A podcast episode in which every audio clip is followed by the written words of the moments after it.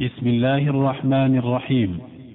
السلام عليكم ورحمة الله وبركاته. وبعد فهذا الدرس الحادي عشر من دروس فضيلة الشيخ سليمان بن ناصر العلوان حفظه الله تعالى المتضمنة شرح كتاب تجريد التوحيد المفيد للشيخ العلامة أحمد بن علي المقريزي الشافعي. وموضوع هذا الدرس من قوله وأما الشرك في الإرادات والنيات فذلك البحر الذي لا ساحل له حتى قوله ومنه شرك معطلة الأسماء والصفات كالجهمية والقرامطة وغلاة المعتزلة. وكان إلقاء هذا الدرس في اليوم السادس والعشرين من شهر شوال من عام ألف وأربعمائة وواحد وعشرين.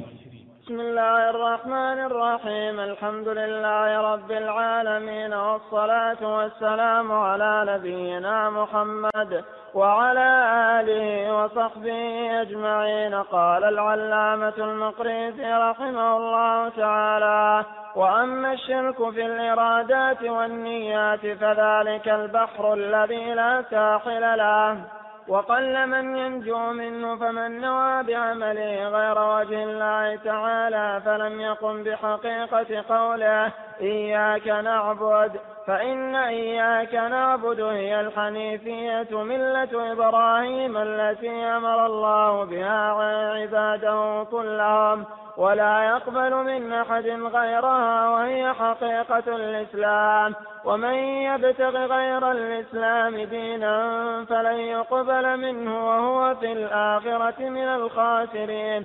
فاستمسك بهذا الأصل ورد ما أخرجه المبتدعة والمشركون إليه تحقق معنى الكلمة الإلهية.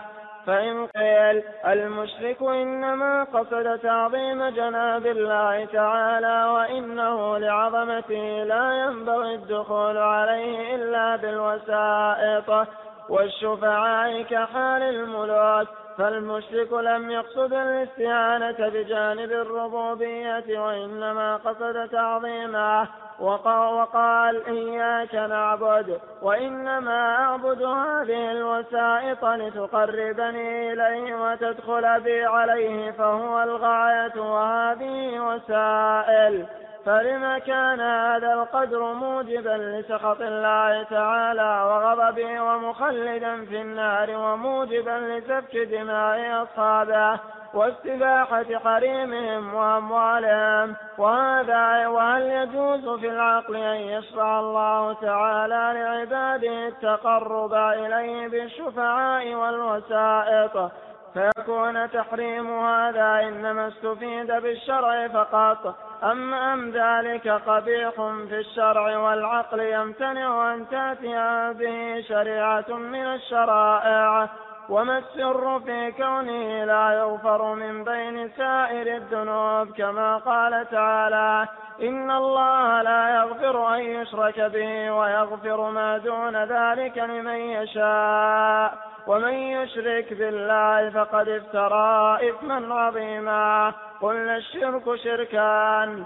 شرك متعلق بذات المعبود وأسمائه وصفاته وأفعاله. وشرك في عبادته ومعاملته. وإن كان صاحبه يعتقد أنه سبحانه لا شريك له في ذاته ولا في صفاته. فأما الشرك الثاني فهو الذي فرغنا من الكلام فيه وأشرنا إليه الآن وسنشبع الكلام فيه إن شاء الله تعالى. وأما الشرك الأول فهو نوعان أحدهما شرك التعطيل وهو أقبح أنواع الشرك كشرك فرعون في قوله وما رب العالمين وقال لهامان ابن لي صرحا لعلي أبلغ الأسباب أسباب السماوات فأطلع إلى إله موسى وإني لأظنه كاذبا. والشرك والتعطيل متلازمان فكل مشرك معطل وكل معطل مشرك. لكن الشرك لا يستلزم أصل التعطيل بل قد يكون المشرك مقرا بالخالق سبحانه وصفاته ولكنه معطل حق التوحيد. وأصل الشرك وقاعدته التي يرجع إليها هو التعطيل. وهو ثلاثة أقسام. أحدها تعطيل المصنوع عن صانعه الثاني تعطيل الصانع عن كماله الثابت له الثالث تعطيل معاملته عما يجب على عما يجب على العبد من حقيقة التوحيد. ومن هذا شرك أهل الوحدة ومنه شرك الملاحدة القائلين بقدم العالم وأبديته وأن الحوادث بأسرها مستندة إلى أسباب ووسائط اقتضت إيجادها يسمونها العقل العقول والعقول والنفوس ومن ومنه شرك معطلة الأسماء والصفات كالجهمية والقرامطة وغلاة المعتزلة. الحمد لله رب العالمين والصلاة والسلام على نبينا محمد وعلى آله وصحبه أجمعين.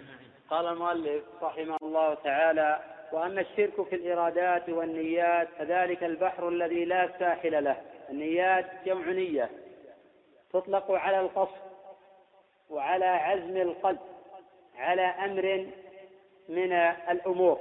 فإن كانت لغير الله فهذا شرك ينافي الإخلاص الذي هو تجريد القصد طاعة للمعبود بحق. يقول المؤلف وقل من ينجو منه. وذلك لحب كثير من النفوس على حب الظهور والتصنع للناس والتحلي بما ليس فيها والتطلع إلى ثناء الناس وتعظيمهم له. فإن النفوس متى ما تطلعت لمثل هذه الأغراض الدنيئة اكتسبت الرياء وحاولت صرف الناس إلى هذه الذات الضعيفة ولو عن طريق التصنع لهم ومراءاتهم والعمل من أجلهم.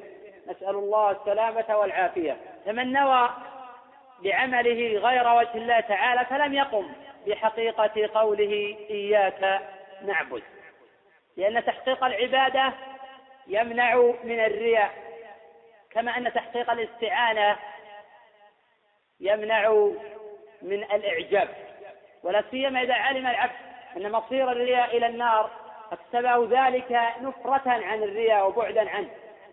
وقد جاء في صحيح الإمام مسلم رحمه الله تعالى من طريق ابن جريج قال حدثني يونس بن يوسف عن سليمان بن يسار قال تفرق الناس عن أبي هريرة فقال له ناتل أهل الشام.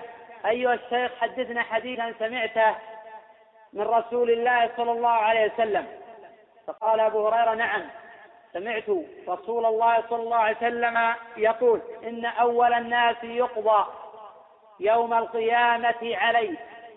إن أول الناس يقضى يوم القيامة عليه رجل استشهد فأتي به أي قتل في سبيل الله في الظاهر. فأتي به فعرفه نعمه فعرفها. قال فما عملت فيها؟ قال قاتلت فيك حتى استشهدت. قال الله له كذبت. ولكنك قاتلت لأن يقال شريك فقد قيل ثم أمر به فسحب على وجهه حتى ألقي في النار. الحديث بطوله وفيها الرجل الذي تعلم العلم وقرأ القرآن ليقال هو قارئ فألقي في النار. والثالث الرجل الذي أعطاه الله من أصناف المال فأنفقها ليقال هو جواد فألقي في النار. في هذا دليل على أن الرياء حابط وأن عمل المرائي غير مقبول ويضاف إلى ذلك العقاب. فإنه يعاقب على ذلك لأن هؤلاء الثلاثة عوقبوا على هذه الأعمال. ويمكن نقول بأن العمل لغير الله له حالات. لأن العمل لغير الله له حالات. الأولى أن تكون أعماله مرادا بها مراءاة المخلوقين. فهذا شرك ولا يصدر هذا من مسلم أصله. حيث لا يعمل لله إنما يصلي ويصوم ويزكي ويحج ويتصدق ويقرأ من أجل الناس هذا لا يصدر من مسلم. الحالة الثانية أن يعمل لله ثم يعرض له الرياء في أثناء العمل. فإن دفعه فلا إشكال في هذا. وإن استرسل معه فقد قال جماعة يكون حكمه كحكم قطع النية في أثناء الصلاة. فإن كانت العبادة لا يصح آخرها إلا بصحة أولها لزم حينئذ الإعادة وإلا فلا. وقالت طائفة من أهل العلم إجازة على أصل نيته. هذا في العبادة التي يرتبط آخرها بأولها. فأما ما لا ارتباط فيه كالقراءة فإنه يجاز على الإخلاص وتنقطع النية الصالحة بوجود الرياء. الحالة الثالثة عكس هذه المسألة وذلك أن تكون نيته لغير الله. ثم يعرض له الإخلاص والعمل لله. الحالة الرابعة مشاركة الرياء من أصل العمل إلى نهايته. هذا العمل حابط مشاركة الرياء من أصل العمل إلى نهايته هذا العمل حابط وقد جاء في صحيح الإمام مسلم من حديث العلاء بن عبد الرحمن بن يعقوب الحرقي مولاه عن أبيه عن أبي هريرة أن النبي صلى الله عليه وسلم قال قال الله تعالى أنا أغنى الشركاء عن الشرك من عمل عملا أشرك معي فيه غيري. صار العمل كله رياء وسمعة تركته وشركه. هذا دليل على حبوب هذا العمل وأن الله جل وعلا لا يقبل إلا ما كان خالصا وابتغي به وجهه. ومن كان يرجو لقاء ربه فليعمل عملا صالحا ولا يشرك بعبادة ربه أحدا. وقال تعالى وما أمروا إلا ليعبدوا الله مخلصين له الدين. وقاعدة الرياء في العبادات مغايرة لقضية التشريك في العبادات. لأن بعض الناس يخلط بين الأمرين ولا سواء. كأن عبادة لله من أجل تحصيل عبادة أخرى. يعمل عملا لله من أجل تحصيل عبادة أخرى. من ذلك ما رواه الشيخان عن ابن مسعود رضي الله عنه أن النبي صلى الله عليه وسلم قال يا معشر الشباب من استطاع منكم الباءة فليتزوج فإنه أغض للبصر وأحصن للفرج ومن لم يستطع فعليه بالصوم فإنه له وجاء. فالأمر بالصيام هنا لأجل حفظ الفرج ولأجل حفظ المرء من الوقوع والولوغ في المعاصي. الحالة الثانية أن يكون الباعث على العبادة ابتغاء ما عند الله والمنفعة الدنيوية فهذا مباح. فمن ذلك قوله صلى الله عليه وسلم في حديث أنس الصحيحين من أحب أن يبسط له في رزقه وينسى له في أثره فليصل رحمه.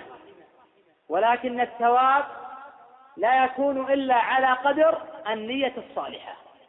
ولكن لو كانت إرادة العبد مقصورة على الدنيا دون الله والدار الآخرة فيجاهد من أجل المغنم أو لا يتعلم إلا من أجل الوظيفة فهذا مأزور غير مأجور. قال المؤلف رحمه الله تعالى فإن إياك نعبد هي الحنيفية معنى قوله تعالى إياك نعبد أي نفردك وحدك بالعبادة. فإن تقديم المعمول على العامل يفيد الحصر وهو إثبات الحكم المذكور ونفيه عما عداه فكأنه يقول نعبدك ولا نعبد غيرك. وإياك نستعين نستعين بك ولا نستعين بغيرك. فالمرائي لم يحقق قوله تعالى إياك نعبد والمعجب بعمله لم يحقق قوله تعالى وإياك نستعين. فإن تحقيق العبد للعبودية تباعد عن الرياء وتحقيقه للاستعانة تباعده عن الإعجاب.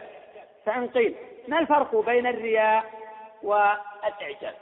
فالجواب أن الرياء من باب الإشراك بالخلق والعجب من باب الإشراك بالنفس. من باب الإشراك بالنفس.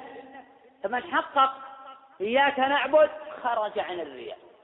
ومن حقق إياك نستعين خرج عن الإعجاب المؤلف هنا يقول فإن إياك نعبد هي الحنيفية ملة إبراهيم التي أمر الله بها عبادة كلهم. ولا يقبل من أحد غيرها وهي حقيقة الإسلام.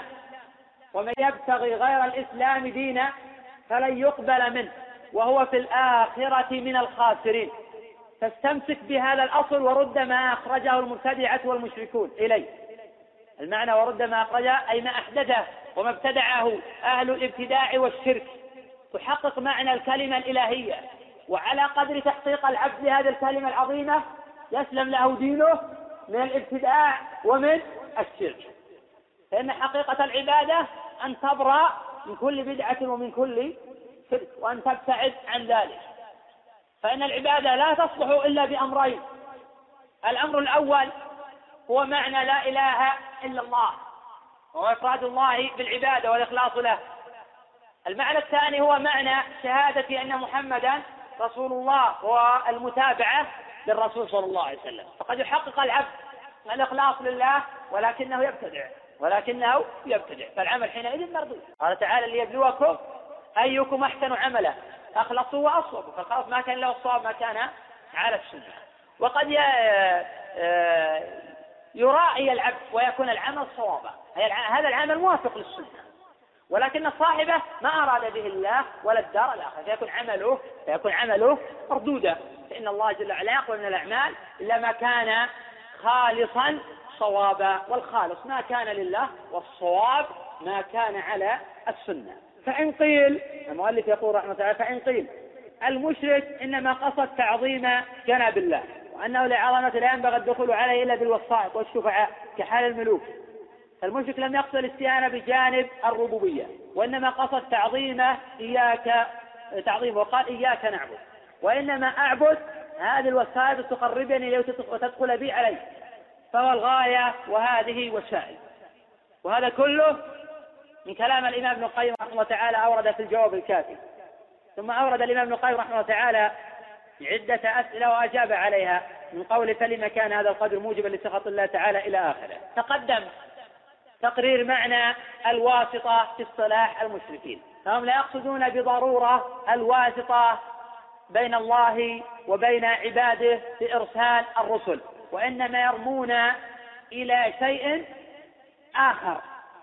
ويعنون بالواسطة الضرورية هي جعل المخلوق العاجز الفقير واسطة في جلب المنافع ودفع المضار. فيدعون الأموات ويسألونهم قضاء الحاجات وكشف الملمات. ويقول هذه الواسطة التي أمر الله بها وهذه الوسيلة التي أمرنا بتطبيقها. وهذا من أعظم أنواع الشرك. وهذا الشرك هو المذكور في القرآن عن المشركين حيث أثبت المشركون وسائط بين الله وبين خلقه كالوسائط التي تكون بين الملوك وبين الرعية بحيث يكونون هم الذين يرفعون إلى الله حوائج خلقه. وهذا من الشرك الأكبر الذي لا ينازع في مسلم. وهذا الذي لا يغفره الله جل وعلا إلا بالتوبة. قال تعالى إن الله لا يغفر أن يشرك به. ويغفر ما دون ذلك لمن وهذا الموجب للخلود في النار. قال تعالى إنه من يشرك بالله فقد حرم الله عليه الجنة. ومأواه النار وما للظالمين من أنصار. وهو الذي ذكره الله عن المشركين. والذين الذين أخبر الله عنهم أنهم حصبوا جهنم. كما قال تعالى ولا اتخذوا من دونه أولياء لا نعبدهم الا ليقربونا إلى الله زلفى إن الله يحكم بينهم فيما هم فيه يختلفون إن الله لا يدري منه كاذب. كفار. كفار صيغة مبالغة اي شديد الكفر شديد الطغيان شديد البعد عن شرع الله وعن الفطر السليمة. فإن الشرك ينافي الفطر وينافي العقول أيضا. فإن العقل السليم يدل على قبح الشرك. كيف يعبد الأحجار والأشجار؟ دون الله جل وعلا. كيف يعبد مخلوقا مثله؟ كيف يعبد من لا يسمع ولا يبصر ولا يغني عن صاحبه شيئا؟ يقول المؤلف نقلا عن الإمام ابن القيم يقول فلما كان هذا القدر موجبا لسخط الله؟ هذه أسئلة وغضبه. ومخلدا في النار وموجبا لسفك دماء أصحابه واستباحة حريمهم وأموالهم وهل يجوز في العقل أن يشرع الله تعالى لعباد التقرب إليه بالشفعاء والوسائط فيكون تحريم هذا إنما استفيد بالشرع فقط؟ أم ذلك قبيح في الشرع والعقل؟ يمتنع أن تأتي به شريعة من الشرائع. الذي عليه أهل السنة والجماعة. الذي عليه أهل السنة والجماعة. أن التوحيد وهو إفراد الله بالعبادة ثابت بالعقل والسمع والأدلة من الكتاب والسنة شاهدة بذلك ومصرحة والشرك قبيح بالعقل والسمع والأدلة كتابا وسنة صريحة في ذلك. لكن العقاب لا يتم على ترك التوحيد إلا حين يأتي الشرع إلا حين يأتي الشرع وتقوم الحجة. والدليل على ذلك قوله تعالى وما كنا معذبين حتى نبعث رسولا. إذا جاءت الرسل فقد قامت الحجة على الناس. فمن امتثل فقد وحد الله جل وعلا وأفرد بالعبادة. فإن أبى واستكبر وعبد الأوثان والقبور وطاف حولها دون آه، أو مع الله أو دون الله جل وعلا فهذا مشرك. لأنه كابر بما جاءت به الرسل. ولا يشترط في كفر هؤلاء أن يعتقدوا أو أن يجحدوا شرع الله. مجرد الفعل هو الكفر. مجرد الفعل هو الكفر.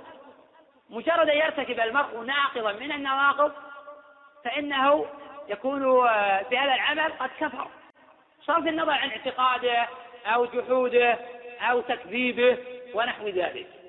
فلو أن شخصا سب الله أو سب الرسول صلى الله عليه وسلم فقال أنا ما أقصد. لكن يعلم أن السب حرام. ويعلم أن هذا السب واقع على الله وعلى الرسول صلى الله عليه وسلم. فهذا كافر. وإن قال أنا ما أقصد كذا أو أقول كذا أو لا أعتقد أو لا أجحد ولا يشترط في كفر هذا أن يعتقد حل هذا العمل. فلو لم يعتقد حل عام هذا العمل ما أن هذا حرام. فهذا كفر. فهذا كفر. كما لو طاف حول القبر متقربا لصاحب هذا القبر. متعبدا له فهذا كفر بصرف النظر عن اعتقاده.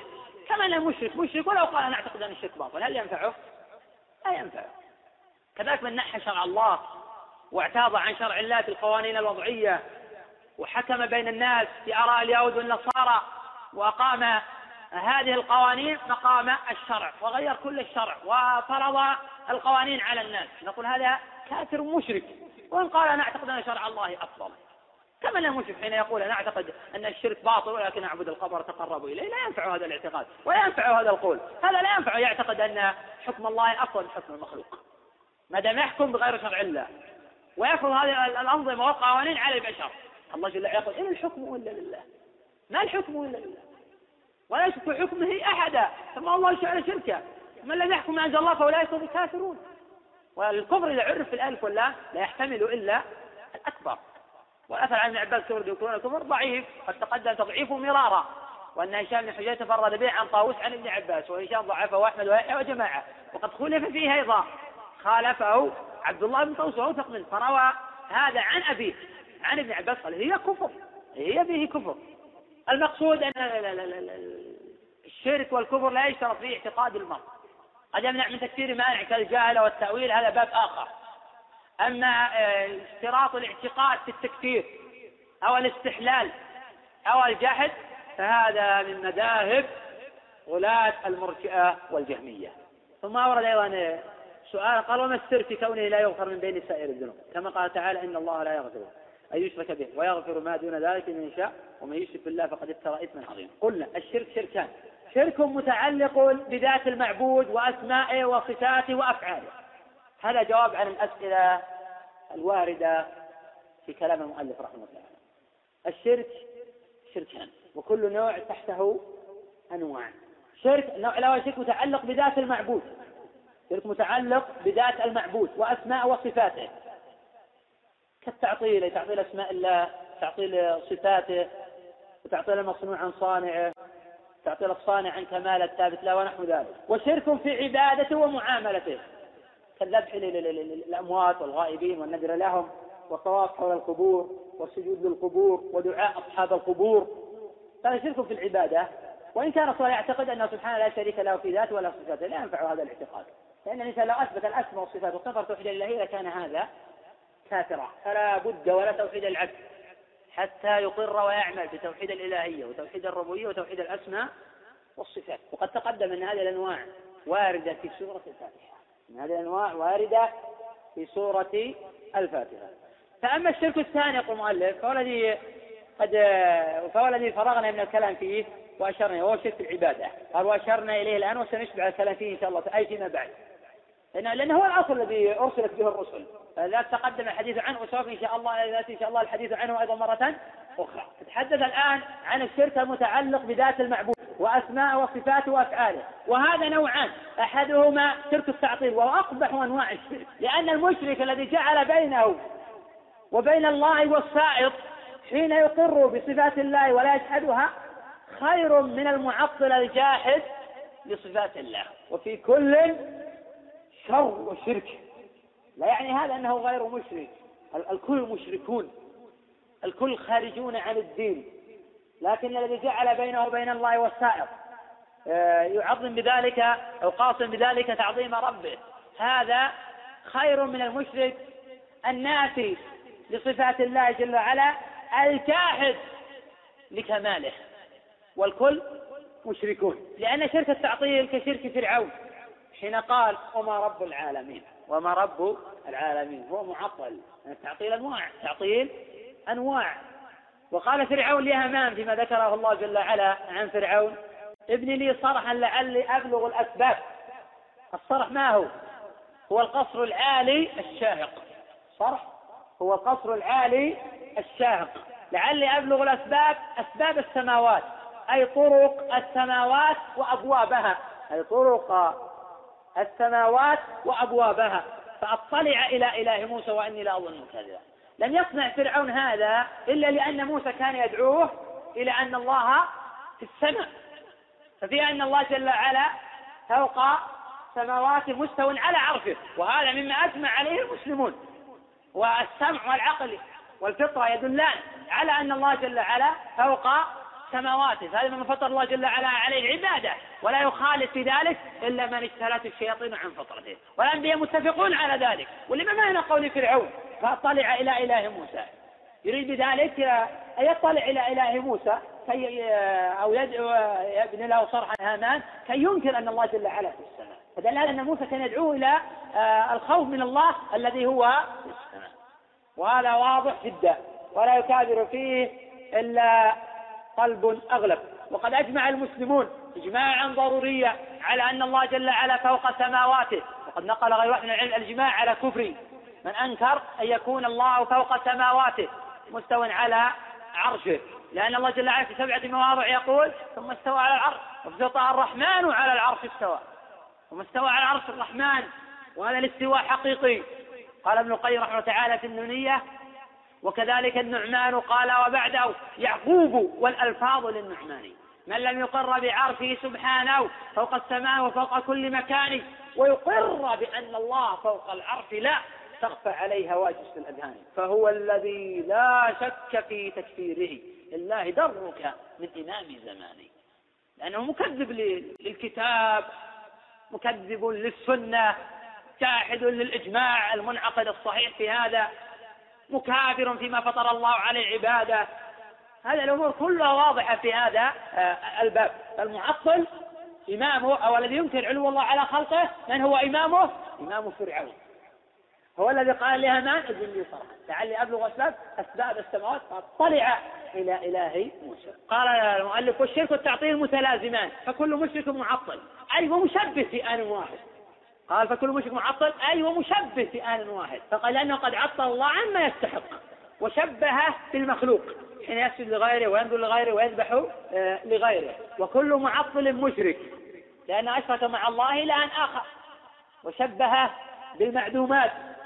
والجمادات التي لا تسمع ولا تبصر ولا تغني عن صاحبها شيئا. لكن الشرك أي الذي هو عبادة القبور لا يستلزم أصل التعطيل الذي هو جحد صفات الله أو إنكار وجود الله جل وعلا. فقد يكون المشرك مقرا بالخالق سبحانه وصفاته أيضا ولكنه معطل حق التوحيد. فلم يقم بحقيقة العبودية لله الواحد القهار.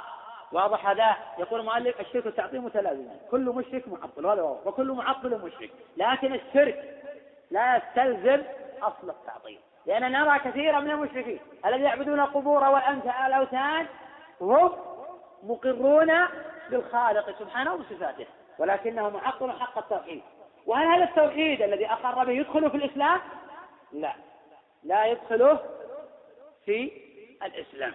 وأصل الشرك وقاعدته التي يرجع إليها هو التعطيل وهو ثلاثة أقسام. أحدها تعطيل المصنوع عن صانعه. أحدها تعطيل المصنوع عن صانعه. الثاني تعطيل الصانع عن كماله الثابت له. الثالث تعطيل معاملته عما يجب على العبد من حقيقة التوحيد. ومن هذا شرك أهل الوحدة. أهل الوحدة هم القائلون بأن الوجود واحد بأن الوجود واحد. ويجعلون وجود الخالق هو عين وجود المخلوقات. فكل ما يتصف به المخلوق من حسن أو قبح فإنما المتصف به عندهم هو عين الخالق. ومن كلامهم ليس إلا الله. على هذا عباد الأشجار والأشجار والأوثان لم يعبدوا غير الله عندهم. تعالى الله عن قولهم علوا كبيرا. وقد ذكر عن المنتمين لهذا المذهب القول بأن عباد العجل مصيبون. أن عباد العجل مصيبون. إذا كان لا يسمى إلا الله فإن عباد العجل مصيبون. ليس إلا الله فإن عباد العجل مصيبون على اصطلاحه. يقول موسى أنكر على هارون إنكاره عليهم. وأن موسى أنكر على هارون إنكاره عليهم عبادة العجل. وذكر عن جماعة من هؤلاء القول بأن فرعون من كبار المحققين. وأنه مصيب في دعواه الربوبية. هذا مذهب غلاة أهل وحدة الوجود. ومن ذلك أيضا شرك الملاحدة القائلين بقدم العالم وأبديته. وأنه لم يكن هذا العالم معدوما أصلا. بل لم يزل ولا يزال. وهذا كفر أيضا. ويقولون أيضا وأن الحوادث بأسرها آه، مستندة إلى أسباب ووسائط اقتضت إيجادها يسمونها العقول والنفوس. وقد تقدم الحديث عن قول الفلاسفة بأن العالم كله مفعول لشيء يسمونه العقل الأول. ويجعلون ويجعلونه هو رب الكائنات ومبدع السماوات والأرض. ولكنه لازم ولكنه لازم للواجب بنفسه ومعلول له. والعقول والنفوس عندهم هي آه، الملائكة. هي الملائكة. ولا يجعلونهم بمرتبة آه، واحدة. وهذا كله كفر. ومنه أيضا شرك معطلة الأسماء والصفات كالجهمية والقرامطة وغلاة المعتزلة. الجهمية نسبة إلى الجهم بن صفوان. وقد أخذ بدعته وهي تعطيل الأسماء والصفات من الجعد ابن درهم. ومن جميل ما نقل عن الإمام حماد بن زيد رحمه الله تعالى في قوله عن الجهمية قال مثل الجهمية مثل رجل. قيل له في دارك نخلة؟ قال نعم. قيل له فلها خوص؟ قال لا. قيل له فلها سعف؟ قال لا. قيل فلها كرب؟ قال لا. قيل فلها جذع؟ قال لا. قيل فلها أصل؟ قال لا. قيل لا نخلة في ذلك قيل لا لا نخلة في ذلك هؤلاء الجهمية قيل لكم رب؟ قالوا نعم. قيل له يد؟ قالوا لا. قيل فيرضى ويغضب؟ قالوا لا. قيل فلا رب لكم لأن الرب الذي ليس في العلو ولم يستوي على عرشه ولا يرضى ولا يغضب ولا يرحم ولا يحب وليس له شيء من من الصفات. هذا ليس برب. ولهذا عتب إبراهيم على أبيه. حين عبد قال يا ابتي ما تعبد ما لا يسمع ولا يبصر. عابه لأنه ليس ما لم يقل. آزر. وأنت ربك لا, لا يسمع ولا يبصر. فإن المشركين كانوا مقرين بذلك. ولكن لم يحتج على إبراهيم بذلك. لما تعبد لا يسمع ولا يبصر. ولا يغني عنك شيئا. الله يسمع ويبصر ولا يغني عنك شيئا. أما هذه هؤلاء الذي يعبد ربه لا يسمع ولا يبصر هذا ليس برب والرب لم يتصف بالصفات السلبية. الله له صفات الكمال ونعوت الجلال.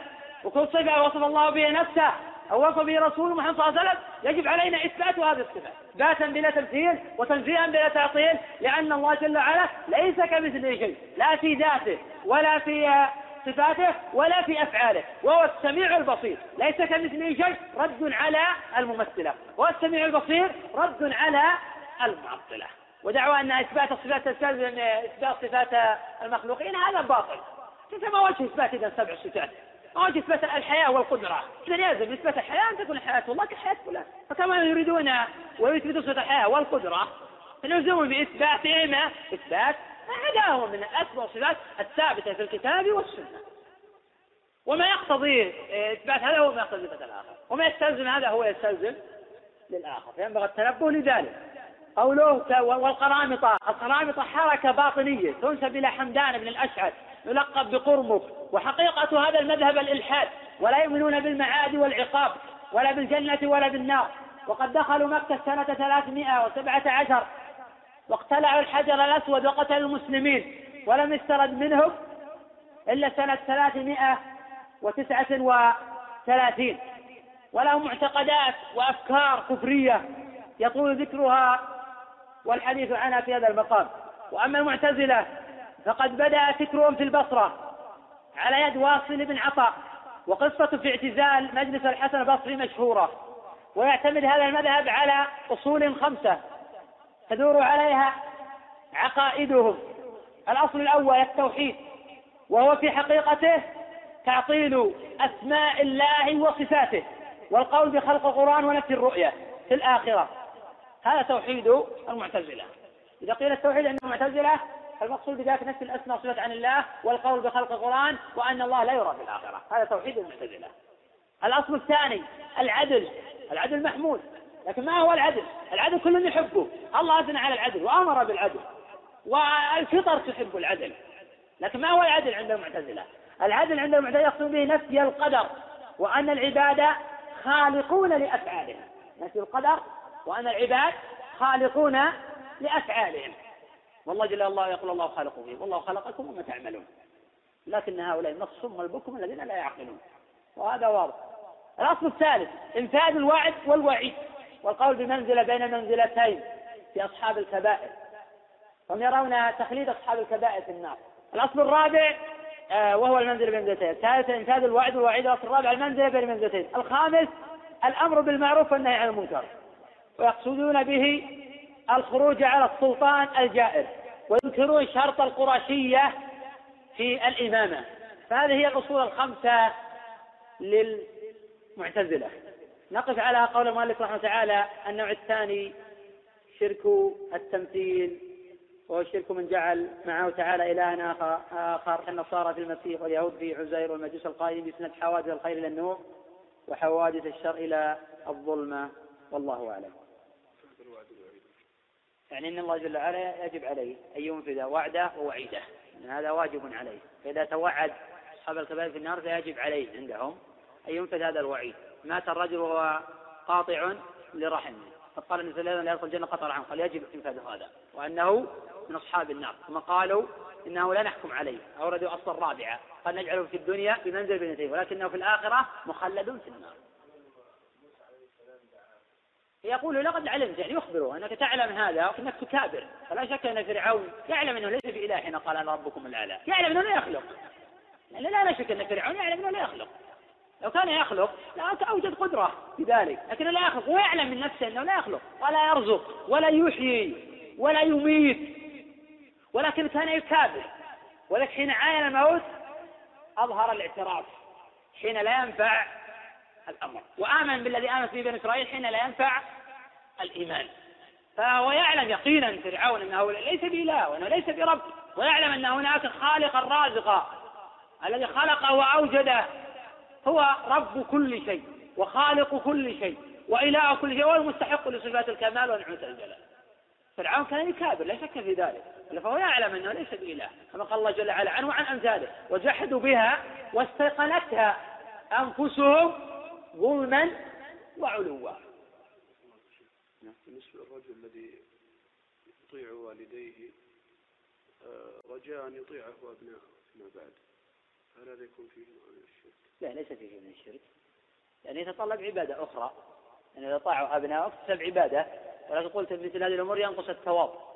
وما أراد ذلك التقرب إلى الله وإنما أراد ولا أراد الرياء ولا السمعة. فرق بين الرجل الرياء والسمعة.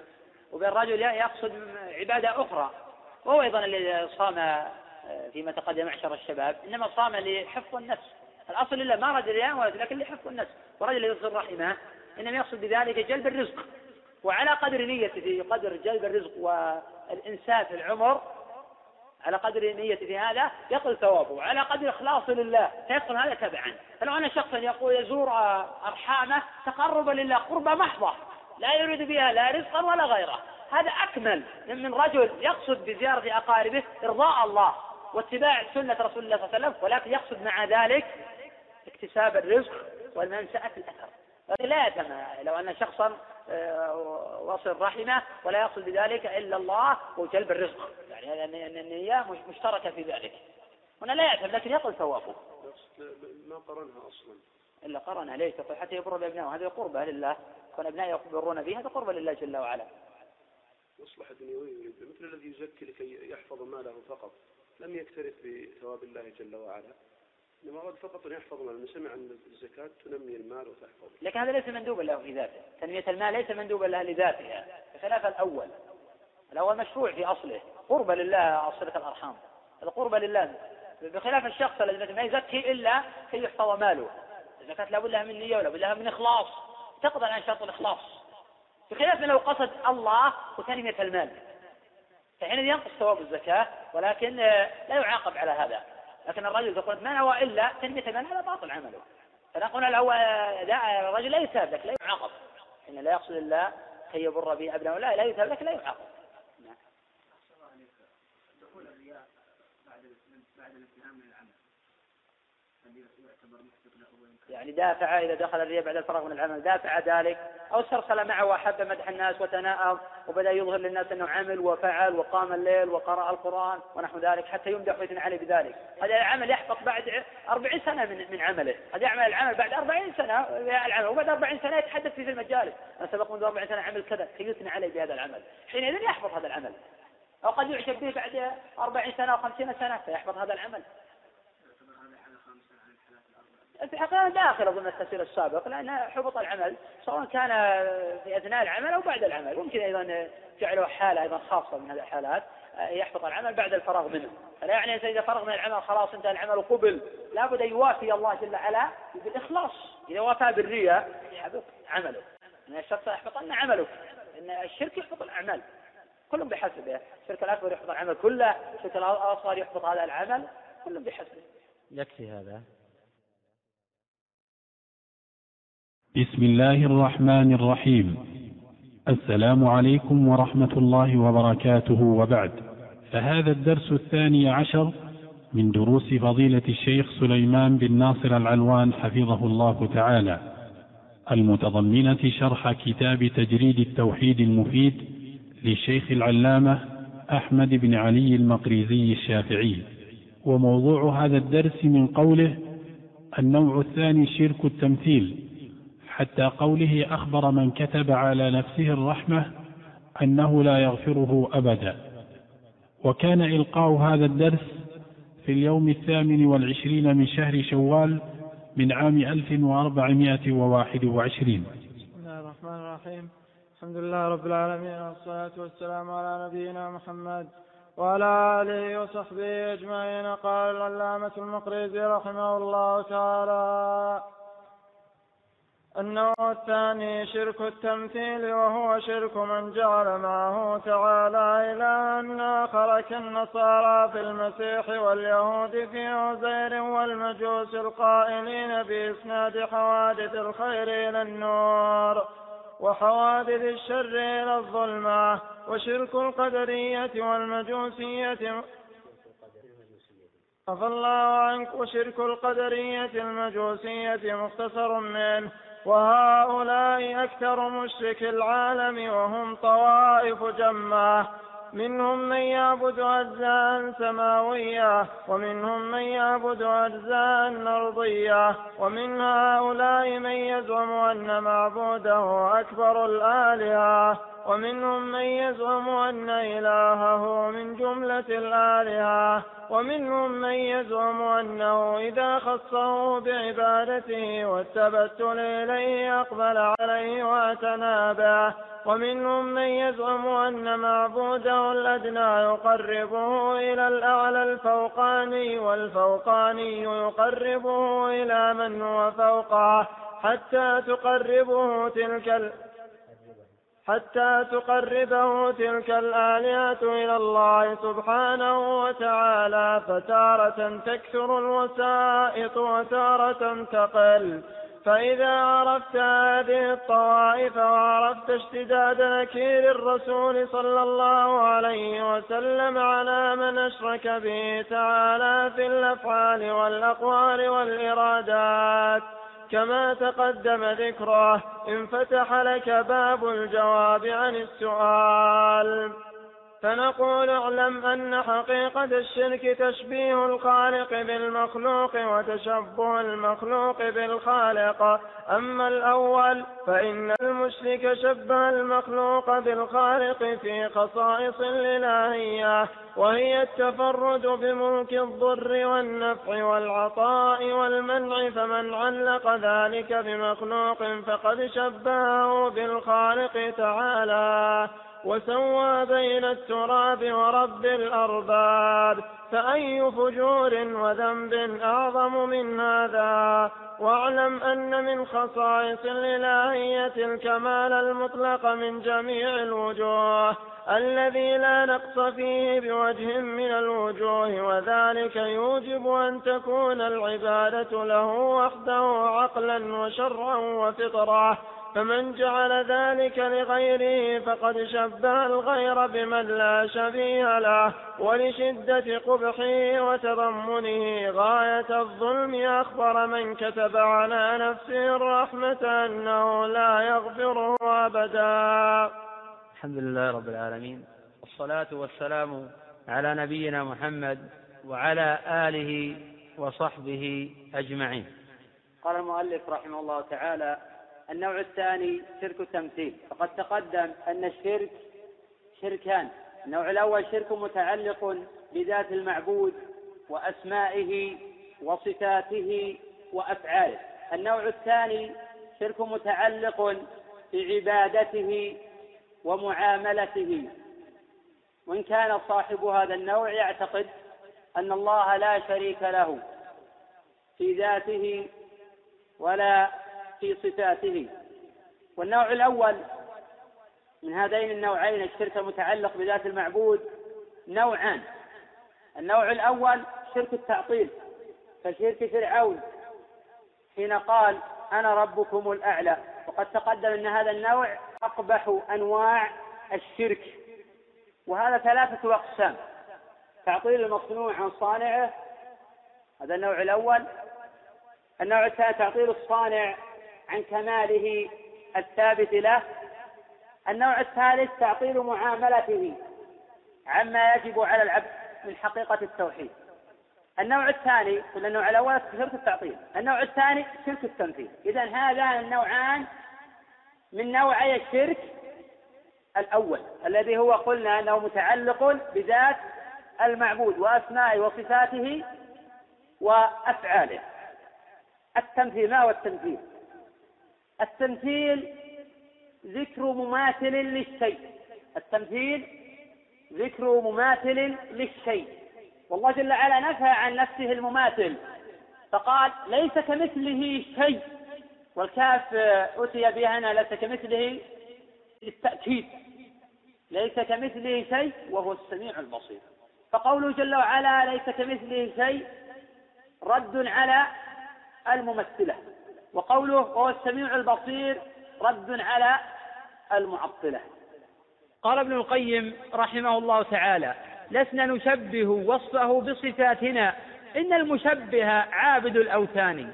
كلا ولا نخليه من أوصافه. إن المعطل عابد البهتان. من شبه الرحمن العظيم بخلقه فهو الشبيه لمشرك النصراني أو عطل الرحمن عن أوصافه فهو الكفور وليس ذا الإيمان.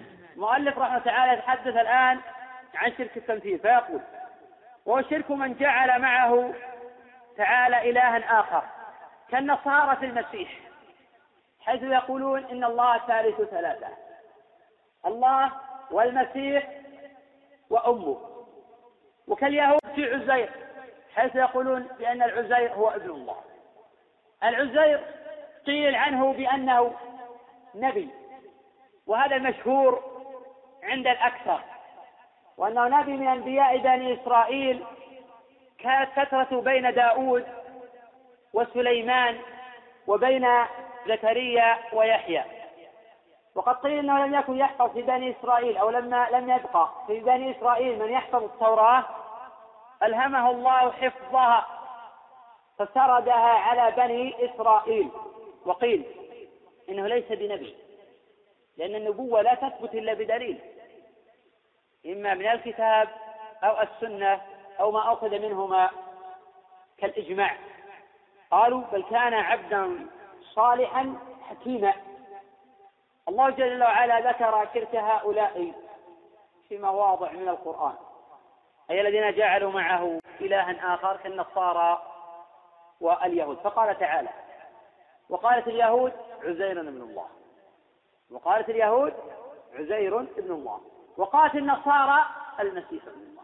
ذلك قوله بأفواههم يضاهئون قول الذين كفروا من قبل قاتلهم الله أن يؤفكون. معنى قاتلهم هنا أي لعنهم الله. أن يؤفكون أي أينما وجدوا وحيثما حلوا. فهذا نوع من أنواع شرك التمثيل. وهذا النوع هو أعظم نوع نقل في إثبات شريك مع الله جل وعلا. يضاف إلى ذلك شرك المجوس القائلين بإسناد حوادث إلى الخير أو بإسناد حوادث الخير إلى النور وحوادث الشر إلى الظلمة. ومع عظمة هذا الشرك وغلظ شركهم وعظيم فعلهم وكبير قولهم إلا أنهم لا يثبتون لله شريكا مساويا له من كل وجه بل لا يوجد أحد بل لا يوجد أحد من المشركين على عظيم أقوالهم وكبير أفعالهم. من يثبت لله مساويا له من كل وجه في كل الصفات. حتى القائلون من المجوس في وجود إلهين إله للنور وإله للظلمة قد اختلفوا في الظلمة. هل هي مخلوقة محدثة مخلوقة أم هي قديمة؟ وذلك على قولين. القول الأول بأن محدثة مخلوقة. القول الثاني أنها قديمة لكنها لم تسأل إلا الشر. فحينئذ هي ناقصة عن النور. لأن إله النور عندهم أعظم من إله الظلمة. فعلى عظيم شركهم لم يجعلوا إلها مع الله مساويا له في كل الصفات والأفعال. وإن كان كفرهم من أعظم أنواع الكفر ومن أغلظ ألوان الشرك غير أنه لا يوجد أحد في الناس من يثبت إلها مع الله من كل وجه. نحن الآن نتحدث عن شرك التمثيل والمؤلف رحمه الله تعالى مثل الآن بثلاث أنواع شرك النصارى وشرك اليهود وشرك المجوس. قال وشرك القدرية المجوسية مختصر منه مختصر منه يعود الضمير الهاء إلى من مختصر من شرك المجوس. مختصر من شرك المجوس. حيث يقولون أي حيث تقول القدرية بأن الخير من الله دون الشر. بأن الخير من الله دون الشر. وهذا راجع إلى قول المجوس. بأن للعالم خالقين. خالق للنور وخالق للظلمة. هؤلاء لا فرق. شرك القدرية لا فرق بينه وبين شرك المجوس الذين يقولون بأن الخير الله والشر ليس منه. وهناك طائفة من القدرية النوع الثاني القدرية من يخرجون أفعال العباد عن خلق الله وتقديره. عن خلق الله وتقديره. قال المؤلف رحمه الله تعالى وهؤلاء أكثر مشركي العالم. يحتمل أن يعد الضمير في قوله وهؤلاء أي لا لا لا القدرية لكنه غير مراد قطعا. فقوله وهؤلاء أكثر مشرك العالم أي الواقعون في شرك التمثيل. وهؤلاء أي الواقعون في شرك التمثيل. أكثر مشركي العالم. وهم طوائف متنوعة تختلف عباداتهم وأهواؤهم ومقاصدهم. وإن كانت النتيجة واحدة وهي الشرك بالله جل وعلا. منهم من يعبد أجزاء سماوية دون الله أو مع الله لا يتغير الحكم. ومنهم من يعبد أجزاء أرضية. وأعظم من ذلك ما ذكره شيخ الإسلام رحمة تعالى في الفتاوى في المجلد الرابع أن منهم من يصنف في دين المشركين والردة عن الإسلام. كما صنف الرازي كتابه في عبادة الكواكب والأصنام. وأقام الأدلة على حسن ذلك ومنفعته ورغب فيه. قال الشيخ رحمه الله تعالى وهذه ردة عن الإسلام باتفاق المسلمين. وإن كان قد يكون تاب من ذلك وعاد إلى الإسلام. وقد استدل بقول شيخ الإسلام وهذه ردة بعض المتأخرين على تكفير الرازي وإصدار الحكم عليه بعينه. وفي هذا نظر وفي هذا نظر. فإن شيخ الإسلام رحمه الله تعالى من أبعد الناس عن تكفير المعين الجاهل أو المتأول حتى تقوم عليه الحجة. وقد صرح بذلك في مواضع من كتبه. وصرح أيضا في مواضع في إسلام أو بإسلام الرازي ولكنه ذمه على اشتغاله بعلوم المتكلمين. وبالفلسفة التي لا يدري صاحبها منها شيئا. بل الرازي هو القائل نهاية أقدام العقول عقال وأكثر سعي العالمين ضلال. وأرواحنا في وحشة من جسومنا وغاية دنيانا أذى ووبال. ولم نستفد من بحثنا طول عمرنا سوى أن جمعنا فيه طيلا وقال لقد تأملت الطرق الكلامية والمناهج الفلسفية فما رأيتها تشفي عليلا ولا تروي غليلا ورأيت أقرب الطرق طريقة القرآن. أقرأ في الإثبات الرحمن على العرش استوى. إليه يصعد الكلم الطيب وأقرأ في النفي ليس كمثله شيء ولا يحيطون به علما. ومن جرب مثل تجربته عرف مثل معرفته وحين أقول يجب رد كلام شيخ الإسلام رحمه تعالى الصريح إلى كلامه المحتمل فيزول الإشكال. لأن تكفير النوع غير تكفير العين. وهذا متفق عليه بين أهل السنة بخلاف الخوارج والمعتزلة الذين لا يفرقون بين النوعين. ولا يعني هذا أيضا أن شيخ الإسلام تيمية رحمه الله تعالى لا يكفر المعين مطلقا فهذا باطل أيضا. فالذي يعمل مكفرا أو يقوله وتقوم عليه الحجة فهذا كافر على التعيين. فلا إفراط في هذا الباب ولا تفريط. لأن بعض المتأخرين يغلو في التكفير حتى آل بهم الأمر إلى تكفير جماعة من العلماء بسبب التأويل. أمثال الإمام النووي والإمام العز بن عبد السلام والحافظ الذهبي والحافظ ابن حجر بسبب ما وقع لهم من بعض الأخطاء في المسائل العلمية والمسائل العملية.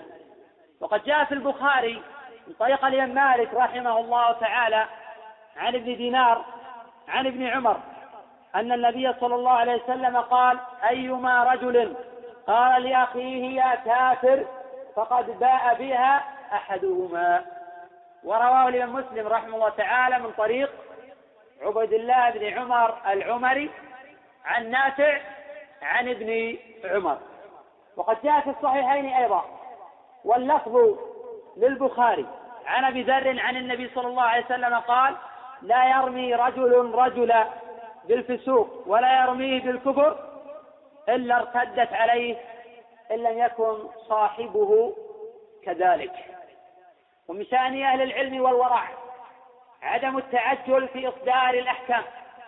حتى تثبت الحجة التي من خالفها كان كافرا تارة أو فاسقا تارة أخرى أو مبتدعا.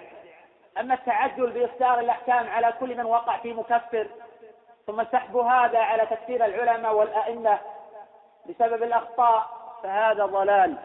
وأقبح منه وأعظم جرما تكفير من يعذر هؤلاء الأئمة. ففي فئة من المحسوبين على أهل العلم يكفرون من يعذر هؤلاء الأئمة. فمن لا يجاريهم في تكفيرهم كفروه.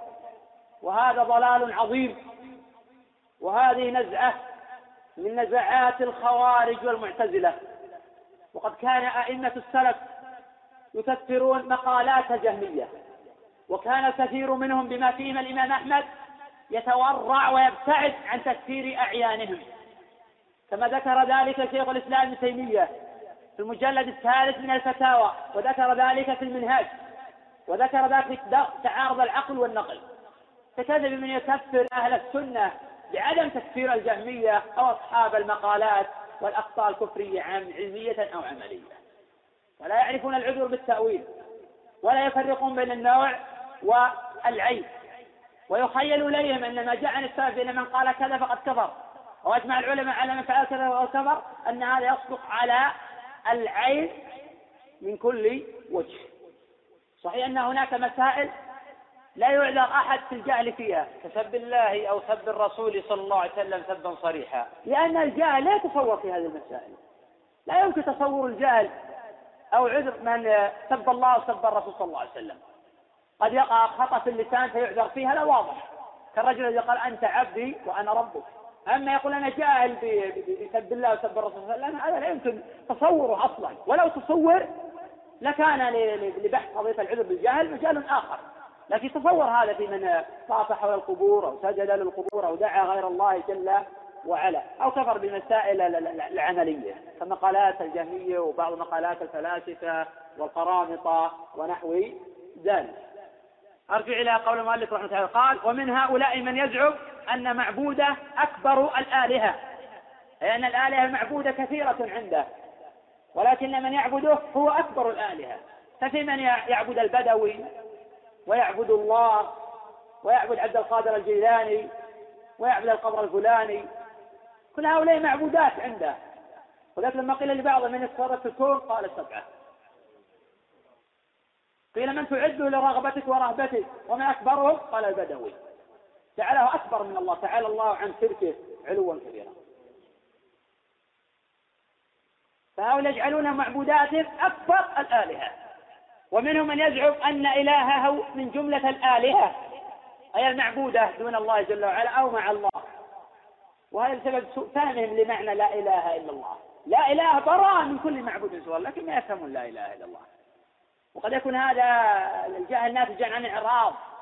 إذا كان الجهل ناتجا عن إعراض فلا يعذر أحد لأن الجهل نوعان.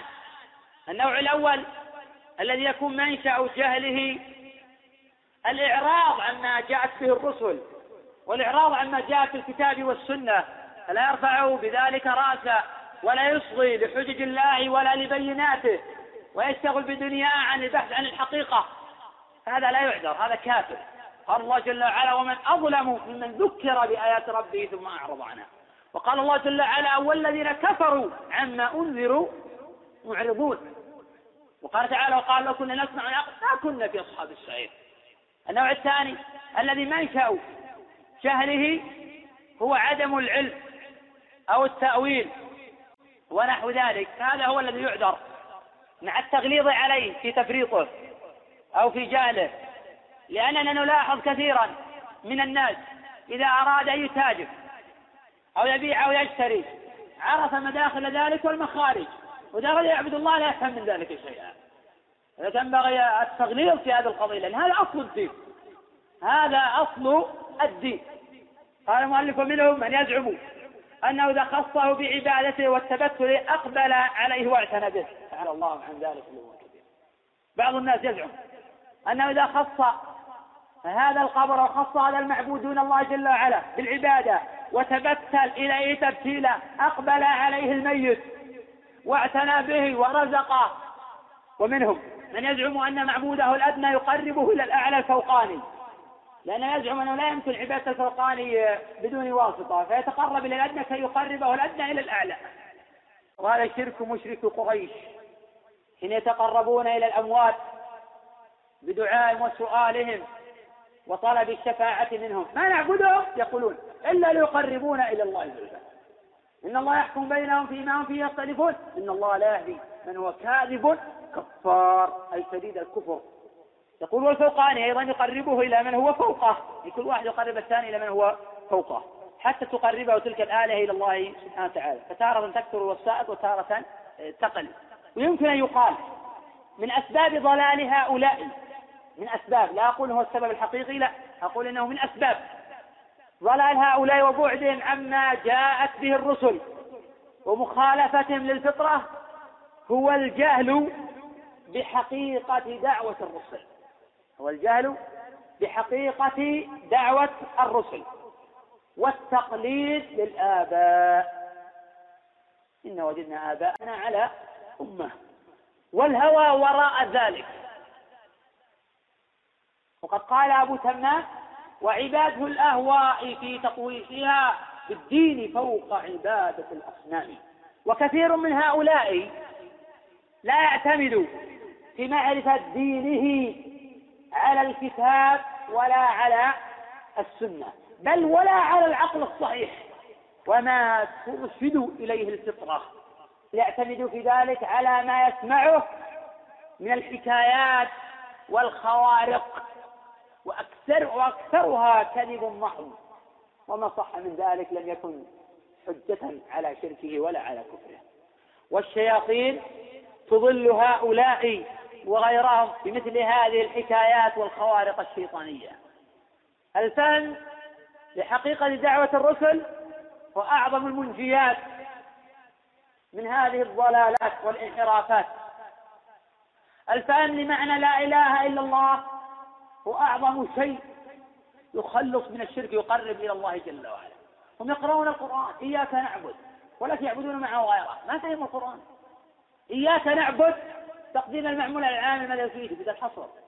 لا نعبد غيرك ولا نستعين إلا بك فالعبادة تباعد العبد عن الرياء مطلقا وعن الشرك مطلقا.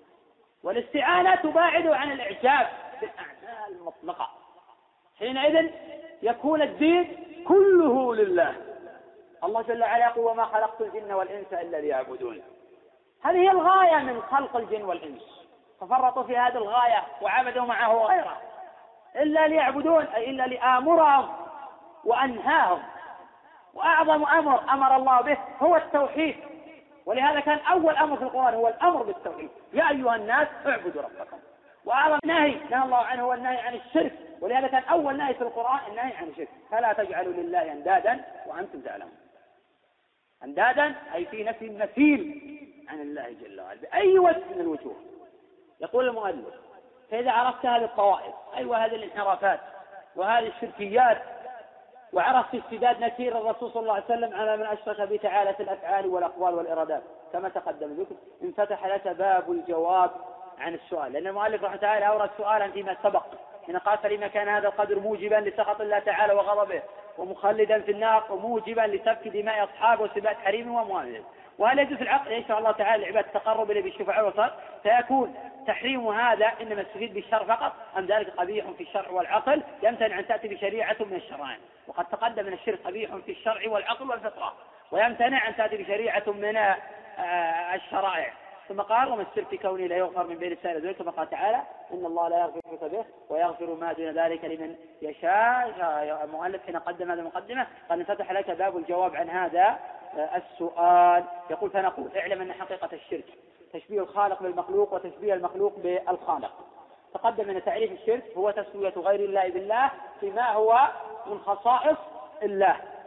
ونظاره الشرك الأكبر هو كل عبادة تقرب بها العبد لغير الله جل وعلا على وجه التقرب والتعبد لهذا الغير فإن هذا شرك أكبر. فمن حقيقة الشرك تشبيه الخالق بالمخلوق وتشبه المخلوق بالخالق كي يتعاظم ويتكبر عن عبادة الله. وهذا الأمر مراتب. يتشبه المخلوق بالخالق مراتب. منه الكفر الأكبر ومنه الأصغر ومنه الكبائر. وفي صحيح الإمام مسلم حديث على عبد الرحمن يعقوب الحرقي مولاهم عن أبيه عن أبي هريرة أن النبي صلى الله عليه وسلم قال العظمة إزاري والكبرياء ردائي فمن نازعني بشيء منهم ألقيته في النار. ورواه ابن ماجه وغيره. قال المؤلف أما الأول فإن المشرك شبه المخلوق بالخالق في خصائص الإلهية فإن المشرك شبه المخلوق بالخالق فإذا نذر له فقد شبه بالخالق. إذا توكل على دون الله شبهه بالخالق. إذا ذبح له شبهه بالخالق. إذا طاف على قبره شبهه بالخالق. إذا سجد له شبهه بالخالق. جعله بين الله واسطة فقد شبهه بالخالق. إذا سأل الشفاعة فقد شبهه بالخالق. إذا سأل التوبة فقد شبهه بالخالق. إذا عطل الله أيضا عن أسمائه وعن صفاته فقد شبه الله بالمعلومات. هذا تابع أيضا لشرك التمثيل. فإن المشرك شبه المخلوق بالخالق في خصائص الإلهية وهي التفرد بملك الضر. الضر المرض والضر مقابل النفع الفتح الضر والعطاء والمنع. فمن علق ذلك بمخلوق أي رجى المخلوق بجلب المنافع ودفع المضار وسأل الأموات ومن لا يقدر على ذلك هذه الأمور فقد شبه المخلوق بالخالق وسوى بين التراب وبين رب الأرباب بعض المتأخرين لا يرى إطلاق هذه الصيغة رب الأرباب ولكن الصحيح أنه لا مانع من ذلك. جاءت في كلام الأكابر أمثال الإمام ابن القيم وابن عبد الهادي وجماعة من علماء نجد. والله جل وعلا أرباب متفرقون خير. رب هؤلاء هو الله جل وعلا. والمؤلف رحمه ذكرها هنا وقد نقلها عن ابن القيم من الجواب الكافي. لأن الكلام لا يزال تابعا لكلام الإمام ابن القيم رحمه تعالى في الجواب الكافي بتصرف يسير إما بتقديم أو بتخيير أو بإيضاح يسير أو بترتيب أيضا. قال المؤلف فأي فتور وذنب أعظم من هذا؟ ويزاد على قال وأي مخالفة لما جاءت به الرسل وللفطرة أعظم من هذا؟ هذا مناقضة صريحة لما جاءت به الرسل ولما نزلت به الكتب. الله جل وعلا في القرآن في ماضي يقول والذين تدعون من دونه ما يملكون من إن تدعوهم لا يسمعوا دعاءكم ولو سمعوا ما استجابوا لكم ويوم يكفرون بشرككم ولا ينبئك مثل خبير. ومع هذا يعبدون مع غيره. والله جل وعلا يقول لا تدعو من دون الله ما لا ينفعك ولا يضرك. والله جل وعلا يقول اتخذ من دونه ما يملكون من قطمير. والله جل وعلا يقول عن المشركين ما نعبدهم إلا ليقربونا إلى الله زلفى. إن الله يحكم بينهم فيما هم فيه يختلفون. والله جل وعلا يقول من يدعو مع الله إلها آخر لا برهان له به فإنما حسابه عند ربه إنه لا يفلح الكافرون. مع كل هذه الأدلة الصريحة والقران كله من أوله فاتحته إلى خاتمته يقرر هذا الأصل ومع هذا يشركون به أو معه إلها آخر. الفاتحة كلها في التوحيد وفيها جميع أنواع التوحيد. الالهيه والربوبية وتوحيد الأسماء والصفات. الحمد لله رب العالمين. هذا توحيد الإلهية. رب العالمين توحيد الربوبية. الرحمن الرحيم توحيد الأسماء والصفات. فاتحة في أنواع التوحيد. الله استفتح كتابه بالتوحيد وختم كتابه بالتوحيد. قل أعوذ برب الفلق وبعد ذلك قل أعوذ برب الله الاستعاذة عبادة وهؤلاء صرفوا العبادة لغير الله جل وعلا. ولهذا أقول أعظم بيان يمكن بيانه للناس في هذا العصر هو بيان التوحيد ولا في المجتمعات التي يكثر فيها الجهل وتكثر فيها عبادة القبور والاستعانة بالأولياء والصالحين والطواف حول قبورهم والاستنجاد بهم. والبيان للصوفية الذين يدعون الأولياء يتصرفون في الكون أو يعلمون الغيب كما تزعمه الرافضة أيضا في أوليائهم وتارة في شياطينهم. واعلم أن من خصائص الإلهية الكمال المطلق من جميع الوجوه. الكمال المطلق لله جل وعلا من جميع الوجوه. فلا نقتضي ذلك في أي وجه من الوجوه. لأن الله جل وعلا لا شبيه له ولا نظير له بأي وجه من الوجوه. وهذا يستوجب أن تكون العبادة له وحده عقلا وشرعا وفطرة. ونحن نعلم أن التوحيد دل عليه السمع والعقل والفطرة. كما أن الشرك دل على بطلانه وعلى قبحه الشرع والعقل والفطرة. فمن جعل ذلك لغيره فقد شبه الغير بمن لا شبيه له. ولشدة قبح وتضمن غاية الظلم أخبر من كتب على نفس الرحمة أنه لا يغفره أبدا. قال تعالى إن الله لا يغفر أن يشرك به. لا نافية. والنفي أبلغ من النهي لأن النفي يتبل يتضمن النهي والزيادة النفي قال الله جل وعلا ما قال لا تشرك به. أن الله لا يغفر يشرك به. النفي يتضمن النهي والزيادة. يتضمن النهي عن الشرك. ويقتضي عدم مغفرة من أشرك معه إلها آخر. ولهذا أخبر الله تعالى عن المشركين أنهم حسبوا جهنم وأنهم أصحاب الصعير وأنهم الظالمون وأنهم في جهنم خالدون. تلفح وجوههم النار وهم فيها كالحون أي عابسون. وقال تعالى إنه من يشرك بالله. فقد حرم الله عليه الجنة ومأواه النار وما للظالمين من أنصار. نقف على قول المؤلف ومن خصائص الإلهية العبودية التي لا تقوم إلا على الساقي الحب والذل. فمن أعطاه ما لغيره فقد شبهه بالله سبحانه وتعالى في خالص حقه والله أعلم. نعم. في قول المؤلف آه، أن الشرك الصفر متعلق بذات المعبود. غير متعلق بالمعاملة. ونفس المشروع أن هذا شرك الربوبية وشرك في الإلهية. اي نعم لكن تقسيم هذا تفصيل لمجمل التوحيد الإلهية والربوبية والأسماء والصفات. وهذا على تقسيم شيخ الإسلام من يرى أن التوحيد وعلى تفصيل ابن القيم. التوحيد نوعان. التوحيد نوعان. وأما على التفصيل الثالث فهو داخل ضمن التوحيد الالهيه والربوبية والأسماء والصفات. لأن بعض العلماء يجعل ان التوحيد نوعان يدخل واحدا في واحد فيبقى اثنان. وهذا اختيار شيخ الإسلام ابن تيمية وابن القيم وقد تقدم تفصيله في أوائل الكتاب. في الربوبية. اي نعم. ممكن هذا يعني الأخ يقول هل يمكن أن يوجد أحد لم تبلغه الرسالة؟ ممكن هذا. ممكن أن يوجد في بعض البلاد النائية من لا تبلغه الرسالة.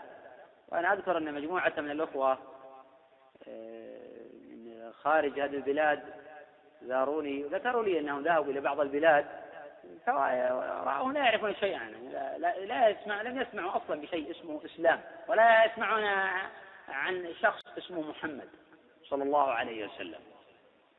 وقد جاء الحديث في مسلم أن النبي صلى الله عليه وسلم قال حديث من حديث أبي هريرة أبي هريرة لا يسمع بأحد من هذه الأمة لا يهودي ولا نصراني ثم لم يؤمنوا إلا كانوا أصحاب النار. بعض العلماء يرى أن هؤلاء الذين لم يبلغهم الشرع ماتوا يمتحنون يوم القيامة. أما إذا بلغهم الشرع فقد قامت عليهم الحجة. إذا كان يهود ولا نصارى فهؤلاء باتفاق إذا سمعوا بالنبي صلى الله عليه وسلم يبحثوا عن حقيقته وعن دعوته وعن ما جاءت به فهؤلاء في النار بالاتفاق. وإن كان من ينطق بالشهادتين يشهد أن لا إله إلا الله ويشهد محمد رسول الله ولا تتقع منه بعض الشركيات جهلا فقد تقدم على التفصيل السابق. نعم. لو قلنا فيه الآن في الوقت الحاضر اللي إحنا فيه المكتبات الإسلامية والكتب والاشرطه انتشرت بين الناس فهل هذه ما تكون حجة على الناس؟ ولأن الناس أصلا إذا كان يتخاذلوا في معرفة دينهم وهم أصلا ما يلقوا بالا لهذه الأمور يعني. يعني يتجاهلوها وكذا. هذه هذه الأمور تكون حجة عليهم.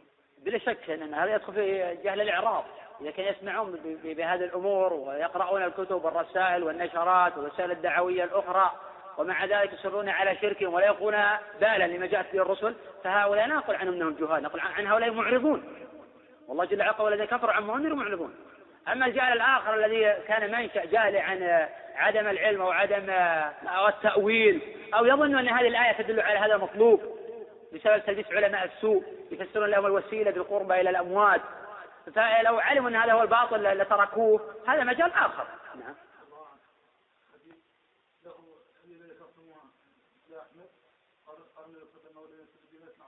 هذا ليس عند أحد لا يسمع بأحد من هذه الأمة لا يهودي ولا نصراني هذا مسلم. من حديث أبي هريرة.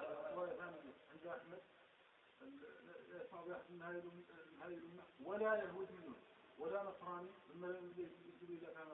يعني تغاير بين أحد لا لا تفسيرية صحيح أنها المعنى تفسيري. لا يسمع بأحد من هذه الأمة لا يهودي ولا نصراني.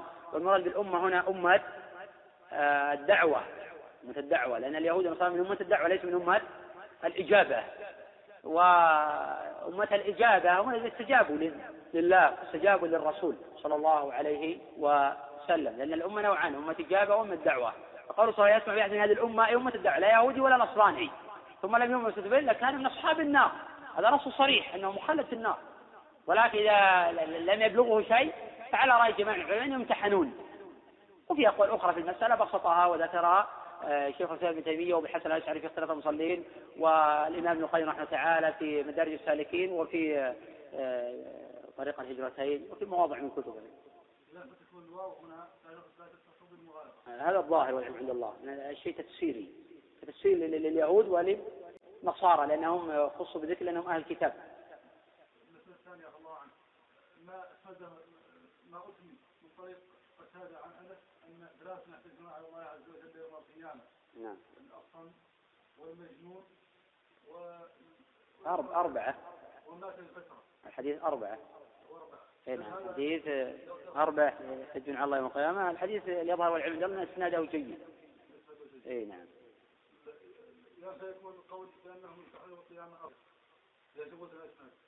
والله هذا قول قوي في هؤلاء الأربعة.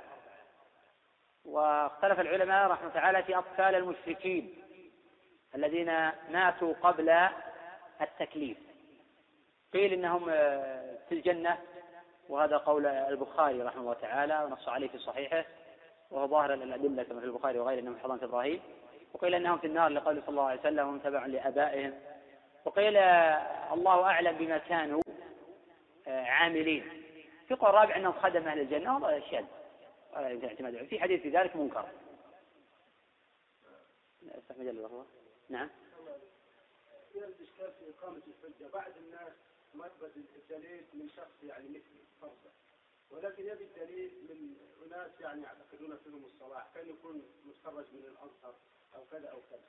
ما عنده استطاع أنه يسأل هل في هذه الحالة يكون هو معرض أو يعذر في هذه الحالة؟ آه، إذا أولا ينبغي أن نفهم أن إقامة الحجة تختلف من شخص إلى شخص.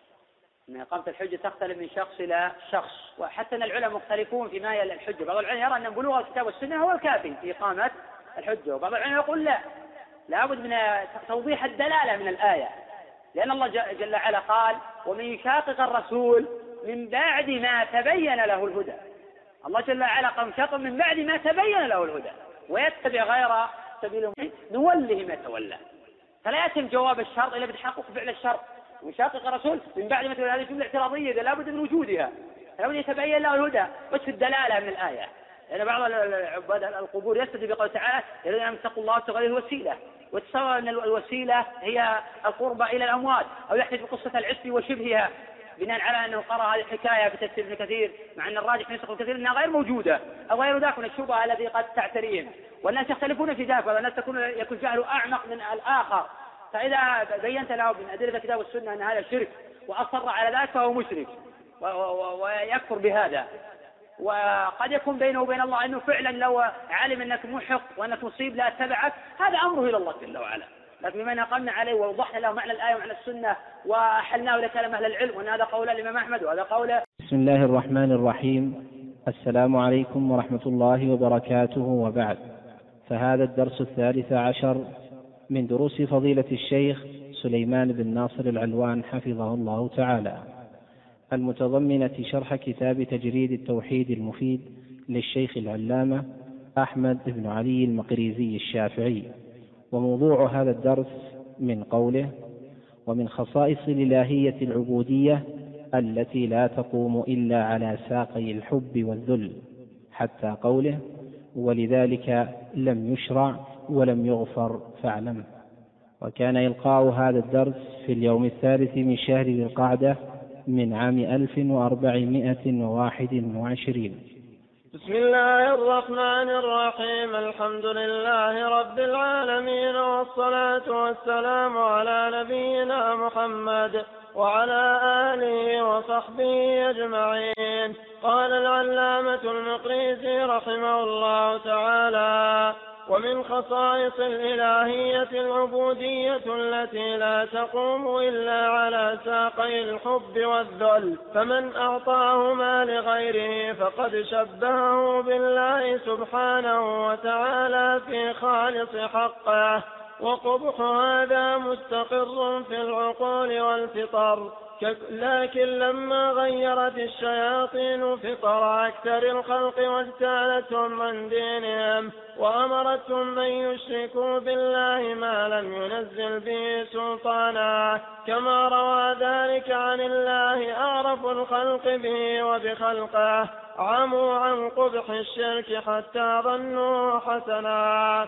ومن خصائص الألوهية السجود فمن سجد لغيره فقد شبهه به ومنها التوكل فمن توكل على غيره فقد شبهه به ومنها التوبة فمن تاب لغيره فقد شبهه به ومنها الحلف باسمه تعظيما فمن حلف بغيره فقد شبهه به ومنها الذبح له فمن ذبح لغيره فقد شبهه به ومنها حلق الرأس إلى غير ذلك.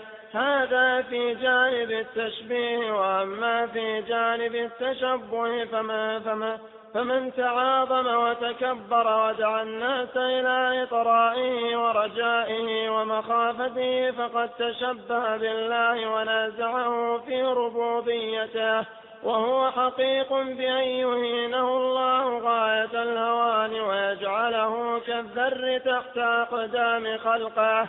وفي الصحيح عنه صلى الله عليه وسلم أنه قال يقول الله عز وجل العظمة إزاري والكبرياء ردائي فمن نازعني في واحد منهما عذبته. وإذا كان المصور الذي يصنع الصور بيده من أشد الناس عذابا يوم القيامة لتشبهه بالله في مجرد الصنعة فما الظن بالمتشبه بالله في الربوبية والإلهية؟ كما قال صلى الله عليه وسلم أشد الناس عذابا يوم القيامة المصورون.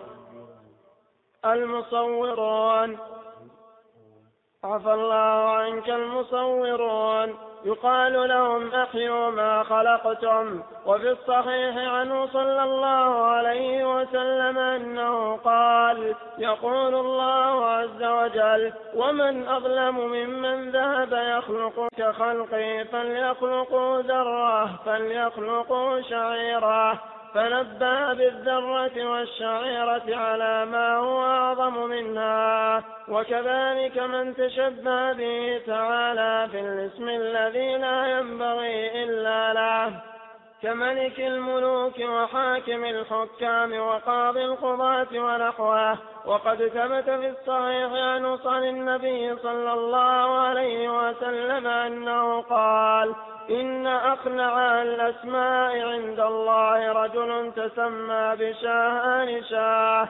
ملك الملوك لا مالك إلا الله. وفي لفظ أغير رجل عند الله رجل تسمى ملك الأملاك. وبالجملة فالتشبيه والتشبه هو حقيقة الشرك ولذلك كان من ظن أنه إذا تقرب إلى غيره بعبادة ما يقربه ذلك الغير إليه تعالى. فإنه يخطئ لكونه شبهه به وأخذ ما لا ينبغي أن يكون إلا له فأشرك معه سبحانه فيه غيره فبخسه سبحانه حقه فهذا قبيح عقلا وشرعا ولذلك لم يشرع ولم يغفر فاعلم. كان كان من ظن انه اذا تقرب إلى غيره في عبادته ما؟ يقرب ذلك الغير إليه تعالى فإنه يخطئ.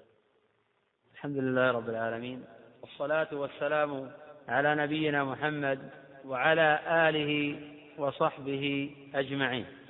قال المؤلف رحمه الله تعالى ومن خصائص الإلهية العبودية التي لا تقوم إلا على ساقي الحب والذل أي من خصائص توحيد الإلهية الذي هو إفراد الله بأفعال العباد. وتقدم أن الإله هو المألوف المعبود الذي تألاه القلوب محبة وإجلالا وتعظيما. وأنه هو المستحق للعبادة لا إله غيره ولا رب سواه. والعبودية هي الغاية المحبوبة لله المرضية له التي خلق الخلق لها. كما قال تعالى وما خلقت الجن والإنس إلا ليعبدون قيل أي إلا ليوحدون كما هو قول ابن عباس وطائفة من المفسرين وقيل إلا لآمرهم وأنهاهم ولا تناسب إلى الأمرين. فإن أعظم أمر هو الأمر بالتوحيد وأعظم نهي هو النهي عن الشرك. ولهذا الرسل يفتتحون دعوتهم لقومهم بأن اعبدوا الله ما لكم من إله غيره. وهذا تقتضي إفراد الله بالعبادة والنهي عن الإشراك به. قد تقدم أن التوحيد يعرف حسنه بالسمع والعقل والفطرة وأن الشرك يعرف قبحه بالسمع والعقل والفطرة وسوف يأتي إن شاء الله مزيد لذلك. ما هي العبادة؟ العبادة كما عرفها شيخ الإسلام رحمه الله تعالى في كتاب العبودية. اسم جامع. اسم جامع. لكل ما يحبه الله تعالى ويرضاه من الأقوال والأفعال. الظاهرة والباطنة. اسم جامع لكل ما يحبه الله ويرضاه من الأقوال والأفعال الظاهرة والباطنة فمن صرف شيئا من هذه العبادة لغير الله فقد أشرك. ومن صرف شيئا من هذه العبادة لغير الله فقد أشرك. تقدم العبادة اسم جامع. وأصل معنى العبادة الذل. يقال طريق معبد أي مذلل. والعبادة المأمور بها لا تقوم إلا على أمرين. العبادة المأمور بها لا تقوم إلا على أمرين.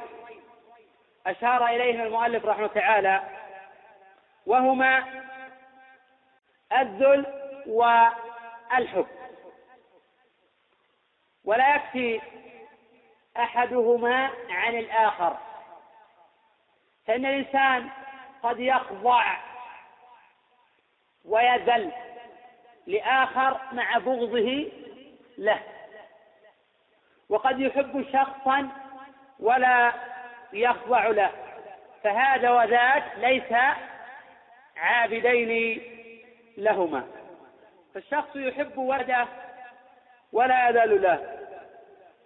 ويذل لآخر مكرها أو طمعا في شيء ولا يحبه. فمن؟ جمع بينهما لغير الله أي جمع الحب والذل لغير الله. فقد شبه المخلوق بالخالق. وهذا من أعظم أنواع الشرك المنافية لما جاءت به الرسل. ونزلت من أجله الكتب. فإن العبد حين يكون ذليلا للمخلوق محبا للمخلوق هذا من أعظم المناقضة لما جاءت به آه، الرسل. وقبح هذا الشرك مستقر في العقول والفطر. وقد جاءت الأدلة مقررة لما استقر في الفطر. وإن كانت الشياطين قد اجتالت كثيرا من العباد. فعبدوا غير الله جل وعلا. والقول بأن الشرك معلوم بالسمع والعقل والفطرة هذا هو قول أهل السنة والجماعة. الذين يقولون بالتحسين والتقبيح العقليين خلافا للأشاعرة. وحينئذ نقول فإن حسن التوحيد معلوم بالسمع والعقل والفطرة.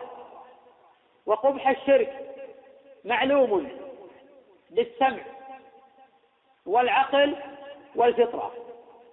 وكثيرا ما يقول الله جل وعلا عقب تقرير ذلك أفلا تعقلون؟ أفلا تذكرون؟ وقد نفى الله جل وعلا العقل عن أهل الشرك وأخبر عن المشركين أنهم يعترفون بذلك وهم في السعير كما قال الله عنهم. قالوا لو كنا نسمع ونعقل ما كنا في أصحاب السعير. لكن لما غيرت الشياطين فطر أكثر الخلق واجتالتهم عن دينهم وأمرتهم أن يشركوا بالله ما لم ينزل به سلطانا.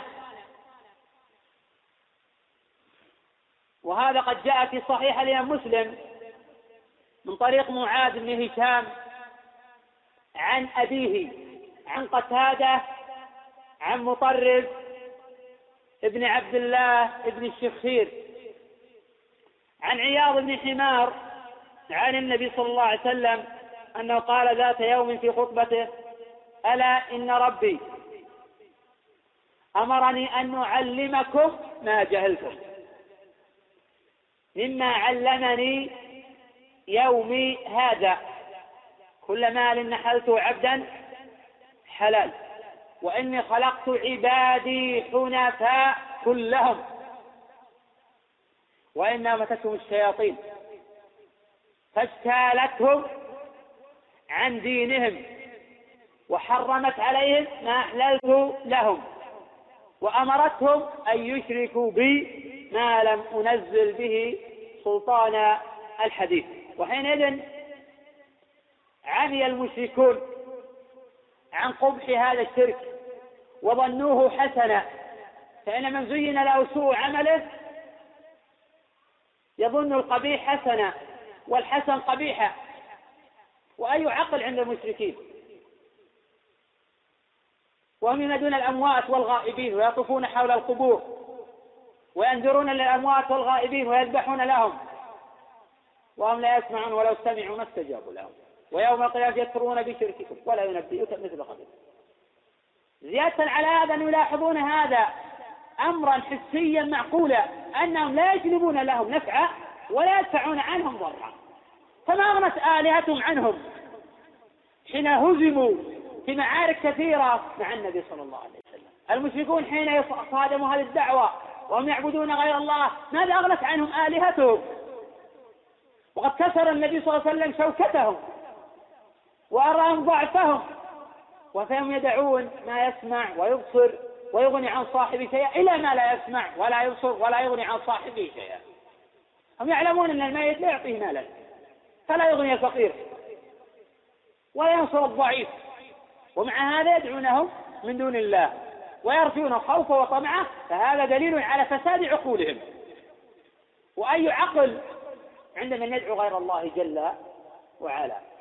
فلهذا نعلم أن قبح الشرك مستقر, مستقر في العقول والفطر وهذا لا ينازع فيه أحد من أهل السنة. ولا غير أهل السنة ممن آتاه الله عقلا يميز به بين هذا وذاك. يقول المؤلف رحمه تعالى ومن خصائص الألوهية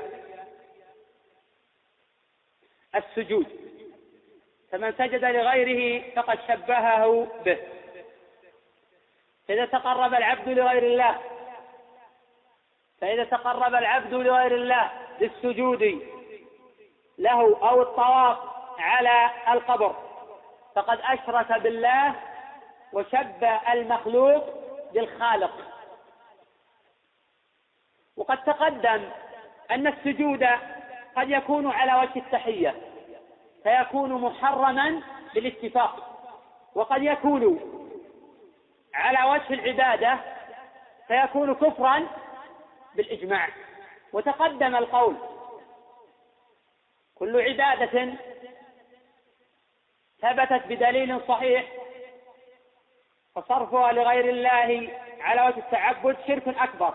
هذا في الأمور المحتملة ليس في كل أمر. فإن الأمور الصريحة التي لا تحتمل أمرين لا يصح هذا القيد على وجه التعبد. فإن هذا باطل. فإن المرء لو سجد لصنم فإن المرء لو سجد لصنم لكان مرتدا عن الدين.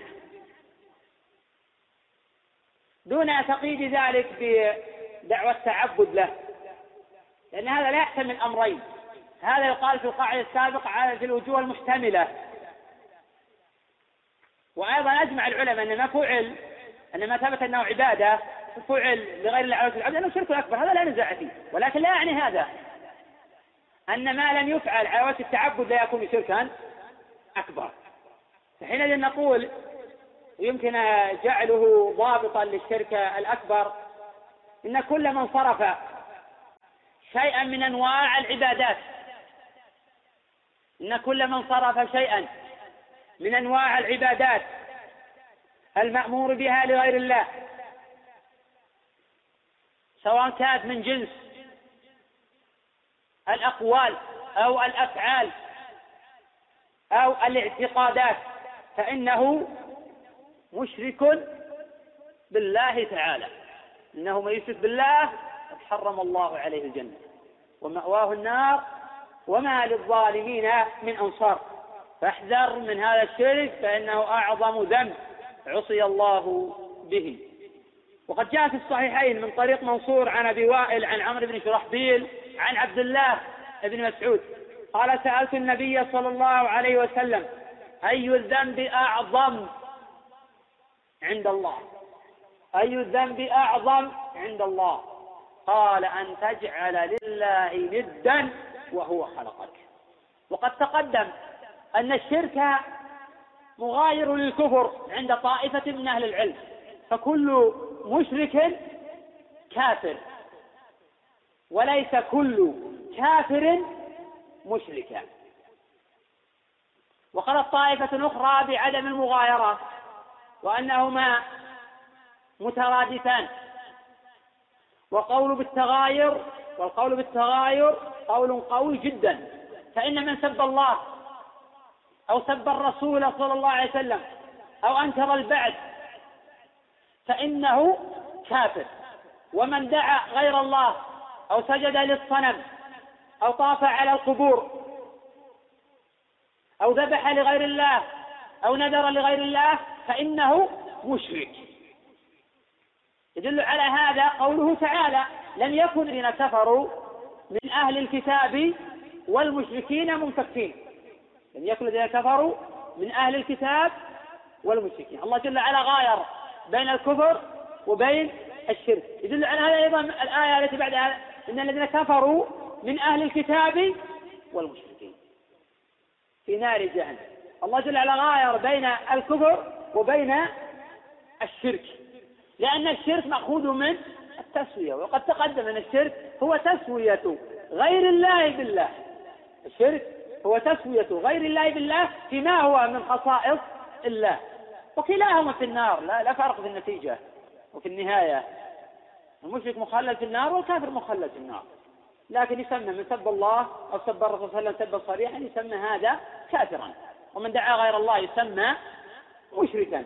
ولذلك يسمى اليهود والنصارى كفارا. قال المؤلف رحمه الله تعالى ومنها التوكل ومنها التوكل. فمن توكل على غيره فقد شبهه به. التوكل عمل القلب ولا يصح توكل العبد ما دام في علائق الشرك. ومتى ما التفت العبد إلى غير الله نقص بذلك الالتفات توكله على الله. وقد يزول بالكلية بقدر التفاته على الغير أو بقدر التفاته إلى الغير. وقد اتفق العلماء على أن من توكل على الأموات في رجاء المطلوب من رزق ونحوه أنه مشرك الشرك الأكبر. وقد يجتمع في العبد وصف الشرك والكفر في آن واحد. قال المؤلف رحمه الله تعالى ومنها التوبة. التوبة تأتي بمعنى الرجوع. التوبة تأتي بمعنى الرجوع. وهذه تكون لله ولغيره ومنه قول عائشة كما في البخاري وغيره أتوب إلى الله ورسوله. صلى الله عليه وسلم. حين قالت ماذا؟ أذنبت وأما التوبة بمعنى العبادة وهي المقصود في هذا الباب. فصرفها لغير الله شرك أكبر. فيأتي الشخص إلى النبي صلى الله عليه وسلم في قبره فيقول يا رسول الله أتوب إليك أو تب علي فهذا شرك أكبر. ولا يلزم من ذلك أن يتوب إلى الميت. فلو قال يا فلان يخاطب أحد الأحياء تب علي. بمعنى العبادة فإنه مشرك بالله جل وعلا. وحينئذ يشبه المخلوق بالخالق. ومنها الحلف باسمه تعظيما. تقدم أن هذا الكلام كله من كلام الإمام ابن القيم في الجواب الكافي. ولا يزال الكلام تابعا لكلام الإمام ابن القيم رحمه تعالى في الجواب الكافي. وإن كان المؤلف رحمه تعالى قد يغاير في موضع دون موضع أو يزيد الفاظ أو يزيد بعض الألفاظ اليسيرة أو ينقص بعض الألفاظ اليسيرة لكن الكلام لم يتغير. كله للإمام ابن القيم رحمه الله تعالى. يقول المؤلف ومن الحلف باسمه تعظيما. فمن حلف بغيره فقد شبهه به. تقدم الكلام عن الحلف بغير الله جل وعلا.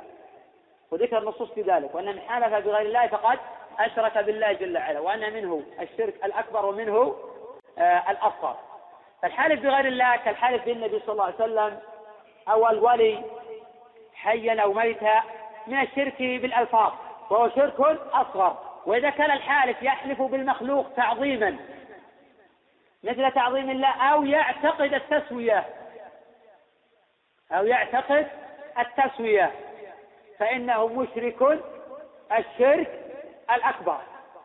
وهو الذي أراده ابن القيم رحمه الله هنا حين قال ومن الحلف باسمه تعظيما وهناك فرق بين الشرك في اللفظ والشرك على وجه التعظيم. الشرك باللفظ شرك أصغر. والشرك على وجه التعظيم شرك أكبر. فلذلك لا يصح إطلاق القول بأن الحلف بالنبي والحلف بالبدوي شرك أصغر. لأنه إذا قيل للرجل احلف بالله كاذبا حلف بالله كاذبا. وإذا قيل احلف بالبدوي كاذبا لا يستطيع ولا يمكن يحلف بالبدوي كاذبا. فهذا مشرك الشرك الأكبر لأنه معظم معظم للمخلوق أعظم. هذا ما شبه هذا عظم المخلوق أعظم من تعظيم الخالق. لأنه تجرع على أن يحلف بالله كاذبا ولم يتجرع على أن يحلف بالمخلوق كاذبا. هذا من الشرك الأكبر الذي لا يغفره الله جل وعلا إلا بالتوبة. ومن القواعد المهمة في باب الأحكام الشرعية أن من الأقوال والأفعال ما صريح الدلالة على الكفر. وهذا قاعدة تصل هذه المسألة ولما قبلها كما تقدم في السجود. أن من الأقوال والأفعال ما هو صريح الدلالة على الكفر؟ فحينئذ يكفر المرء بذلك. فإن من قال أو فعل ما هو كفر كفر بذلك. فإذا سب الإنسان الله جل وعلا أو سب الرسول صلى الله عليه وسلم صريحة فإنه كافر بذلك. لا يشترط بذلك الجحد أو نسأل عن الاعتقاد أو ماذا تقصد. بل تقدم أن سب الله أو سب الرسول صلى الله عليه وسلم لا يتصور فيها الجهل وأن السب الصريح لا يتصور فيه ولا التأويل. وأن السب الصريح لا يتصور فيه ولا التأويل. يكفر بذلك مطلقا. وهذا من الأشياء الصريحة. وكذلك من الأشياء الصريحة التي يكفر بها المرء إلقاء المصحف في القاذورات. فهذا مرتد عن الدين. هذا من الشيء الصريح الذي لا نزاع فيه ولا يشترط أن يقصد بذلك أشياء أخرى. فالكفر تختلف أنواعه. الكفر تختلف أنواعه ولا يكفر بشيء واحد منها.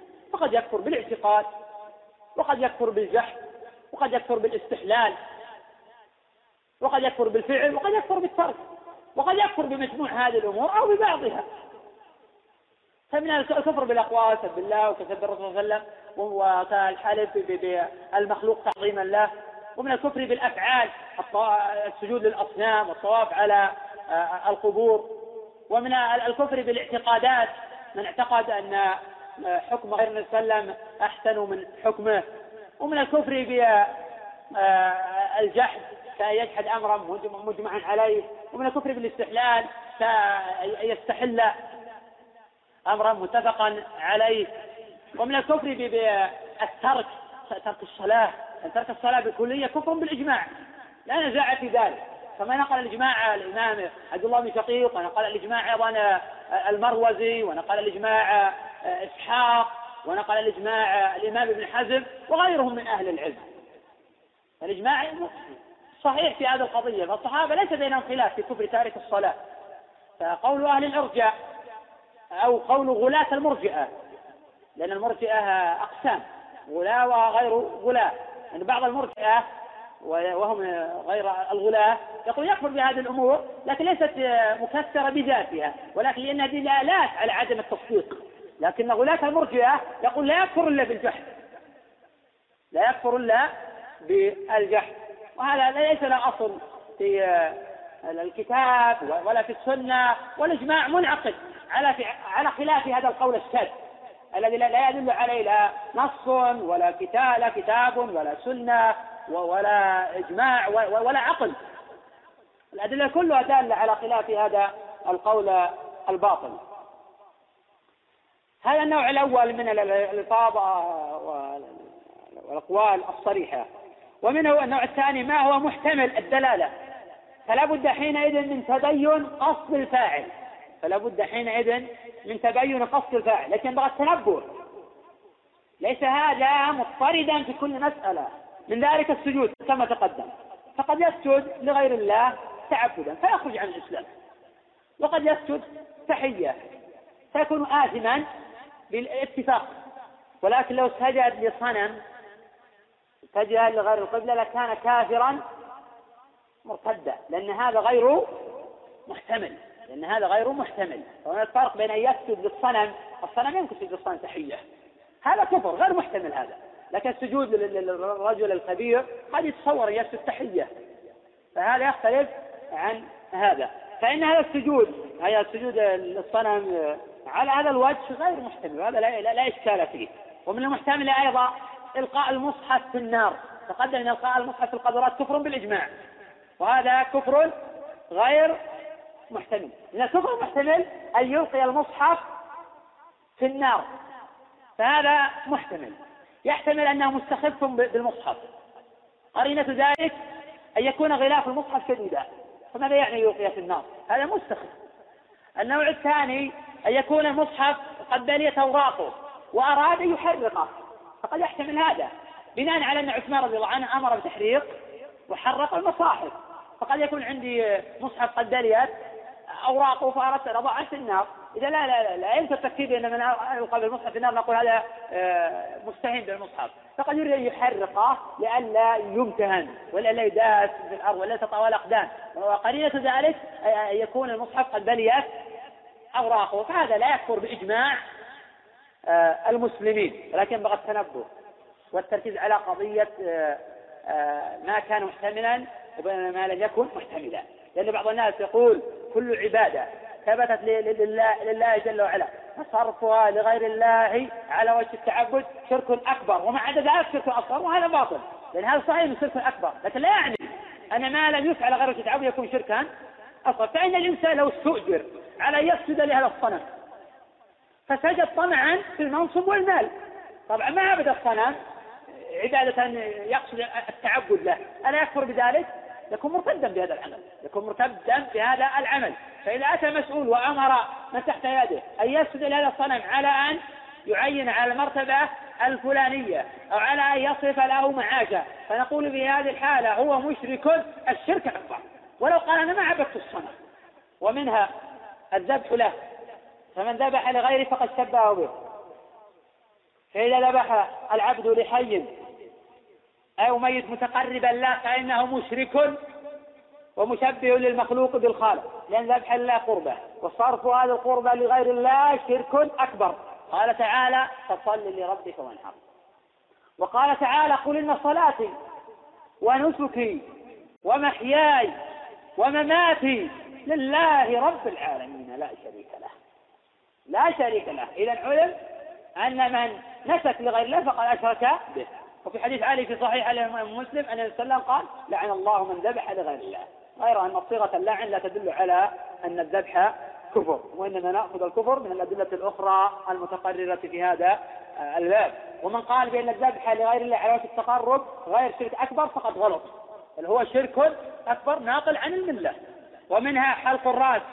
تقدم أن ابن القيم رحمه تعالى قيد حلق الرأس بخضوع والتعبد وذلك لأن حلق الرأس له حالات. الحالة الأولى أن يحلقه تعبدا لله فأن يحلقه بعد النسك. فهذا الحلق عبادة لله وواجب من واجبات الحج والعمرة.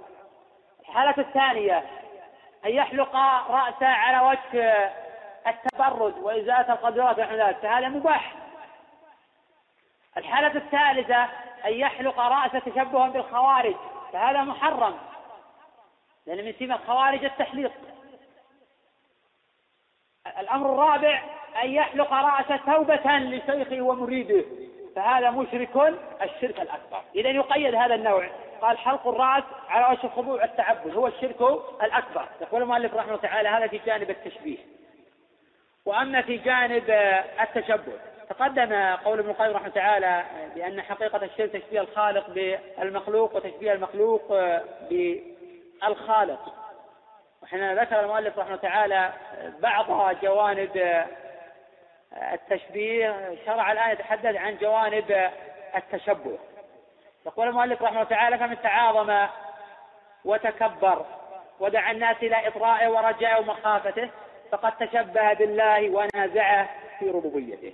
وحقيق بأن يهينه الله غاية الهوان ويجعله كالذر تحت أقدام خلقه كما جاء هذا مصرحا به جامع أبي عيسى وصححه آه، الترمذي. والتعاظم والتكبر مراتب منه ما هو كفر أكبر ومنه ما هو أصغر ومنه ما هو من كبائر الذنوب. لكن الذي ينبغي أن نعلمه أن من جعل لله ندا من خلقه فيما يستحقه عز وجل من الإلهية والربوبية فإنه كافر باتفاق أهل العلم.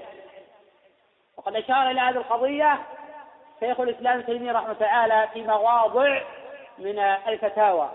يقول المؤلف رحمه تعالى وفي الصحيح عنه صلى الله عليه وسلم قال يقول الله عز وجل العظمة إزاري والكبرياء والكبرياء ردائي فمن نازعني في واحد منهما عذبته.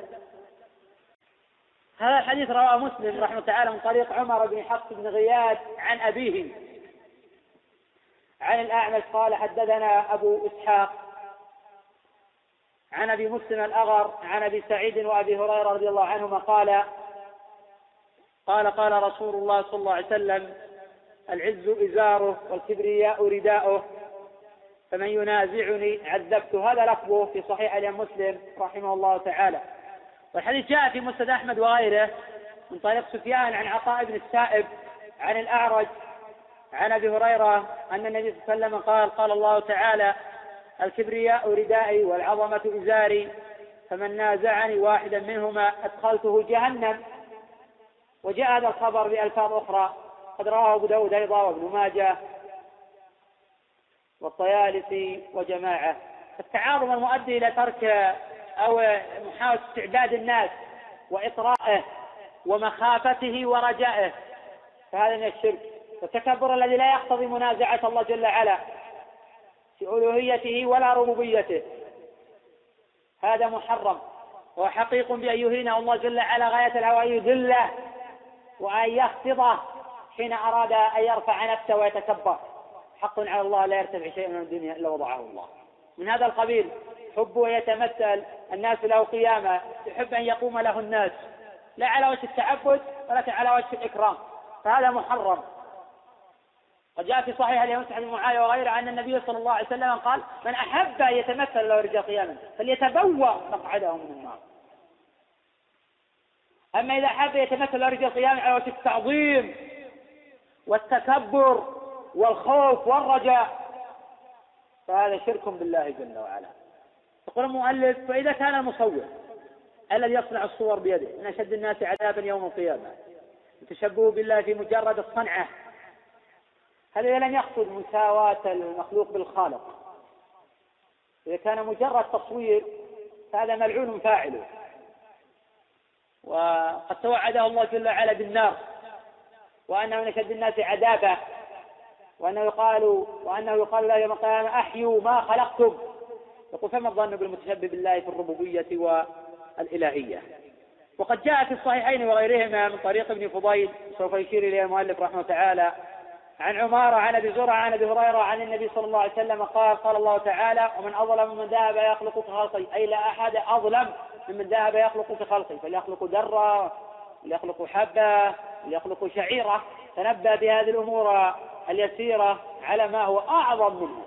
ومن صنع هذه التصاوير لتعبد من دون الله أو لتعظم دون الله فإنه مشرك بالله جل وعلا. وقد قال صلى الله عليه وسلم أشد الناس عذابا يوم القيامة. المصورون. بهذا اللفظ جاء في الصحيحين من حديث ابن مسعود. وقد جاء في الصحيحين من حديث ابن عمر أن النبي صلى الله عليه وسلم قال الذين يصنعون الصور يعذبون يوم القيامة. يقال أحيوا ما خلقتم. يقال لهم أحيوا ما خلقتم. والمؤلف رحمه تعالى جمع حديثين حديث حديثين في سياق واحد. وكذلك من تشبه به تعالى الاسم الذي لا ينبغي إلا له كملك الملوك وحاكم الحكام وقاضي القضاء ونحوه. لأنه قد جاء في الصحيحين من طريق أبي الزناد عن الأعرج عن أبي هريرة أن النبي صلى الله عليه وسلم قال إن أقنع اسم عند الله رجل تسمى ملك الأملاك. لا مالك إلا الله فمجرد التسمي عظيم عند الله. وإذا كان يقصد بذلك التعاظم والتكبر فإنه منازع لله جل وعلا في ربوبيته وعظمته. يقول المؤلف رحمه تعالى وقد ثبت الصحيح عن النبي قال ان اقنع الاسماء عند الله رجل تسمى بشاهان شاه أي ملك الملوك لا مالك إلا الله. وفي لفظ اغير رجل عند الله رجل تسمى ملك آه الأملاك. وبالجملة التشبيه والتشبه هو في حقيقة الشرك هو حقيقة الشرك. وقد تقدم أن هذا مراتب فإن مجرد التشبه باللفظ لا يعني أن الأمر شرك أكبر. فقد يكون الأمر شركا أكبر وقد يكون أصغر وقد يكون كبيرة من الكبائر. لأن الأمر تارة يفسر بما يؤول إليه. بما يؤول إليه. فإننا نعلم أن التكبر قد يكون من الكبائر وقد يكون من الكفر الأكبر. كي يتكبر عن شرع الله كي يستكبر عن الانقياد ونحو ذلك. وقد يجتمع في في العبد وصف هذا وهذا. وإذا كان من ظن أنه إذا تقرب إلى غيره بعبادة ما يقرب ذلك الغير إليه تعالى فإنه يخطئ. وهذا كما تقدم أنه معلوم بالسمع والعقل. من من عباد القبور يذكر لنا أن هذا الميت وهبه ولدا؟ أو أنه رزق ومد يده وأعطاه ريالا واحدا. من يثبت هذا؟ الميت لا يرزق ولا يحيي ولا يميت ولا يجلب نفعا ولا يدفع ضرا. ولهذا عباد القبور مشركون من وجوه كثيرة فإنهم يعتقدون النفع والضر في هذا الميت. ومجرد هذا كفر لو لم يفعل. فكيف إذا فعل؟ على أنه لا يصح ربط تكفير عباد القبور والذين يطوفون حول القبور والذين يدعون غير الله لأنهم يعتقدون جلب المنافع دفع الله. مجرد الفعل كفر. فإن من قال أو فعل ما هو كفر كفر بالاتفاق. ولا يشترط في ذلك أن يقصد العبد أن يكون كافرا. فإن هذا لا يشاء أحد إلا ما شاء الله. كما وضح هذه المسألة شيخ الإسلام ابن تيمية رحمه الله تعالى في الصار المسؤول في حكم شاتم الرسول. يقول المؤلف رحمه تعالى فهذا قبيح عقلا وشرعا ولذلك لم يشرع ولم يغفر تعلم. لأن الله قال إن الله لا يغفر يشرك به ويغفر ما دون ذلك لمن يشاء. هذه الآية فيها فوائد فيها رد على كثير من الطوائف المنحرفة والضالة. فقوله جل وعلا إن الله لا يغفر يشرك به. في هذا دليل على أن الشرك لا يغفر ولو كان العبد يصلي ويصوم ويزكي ويحج. وقد تقدم أن الحكم بغير الله بغير شرع الله أنه من الشرك. لقوله تعالى ولا يشرك في حكمه أحدا فهو داخل في هذه الآية من الشرك الذي لا يغفر فالذي يحكم بغير شرع الله بالقوانين الوضعية كالذي يعبد قبرا أو لا فرق بينهما وتعذير بعض الناس عن هؤلاء المشرعين بأنهم لا يعتقدون بأن القوانين أفضل من شرع الله. نقول كقول المشرك. إذا قال أنا لا أنا أعتقد أن الشرك باطل ولا أفضل هذا الشرك على عباد الله. هل ينفعه؟ لا ينفع ولا يغني عنه شيئا. الله قال ولا يشرك بحكم عنه إن الحكم إلا لله. إن الحكم إلا لله. صرف الحكم لغير الله شرك. ولا يشرك بحكم أحد ومن لم يحكم بما أنزل الله فأولئك هم الكافرون. وقد تقدم تقرير ذلك مرارا وأن القوانين الوضعية الموجودة في عالمنا الحاضر كلها من الشرك الأكبر. إن الله لا يغفر أن يشرك به.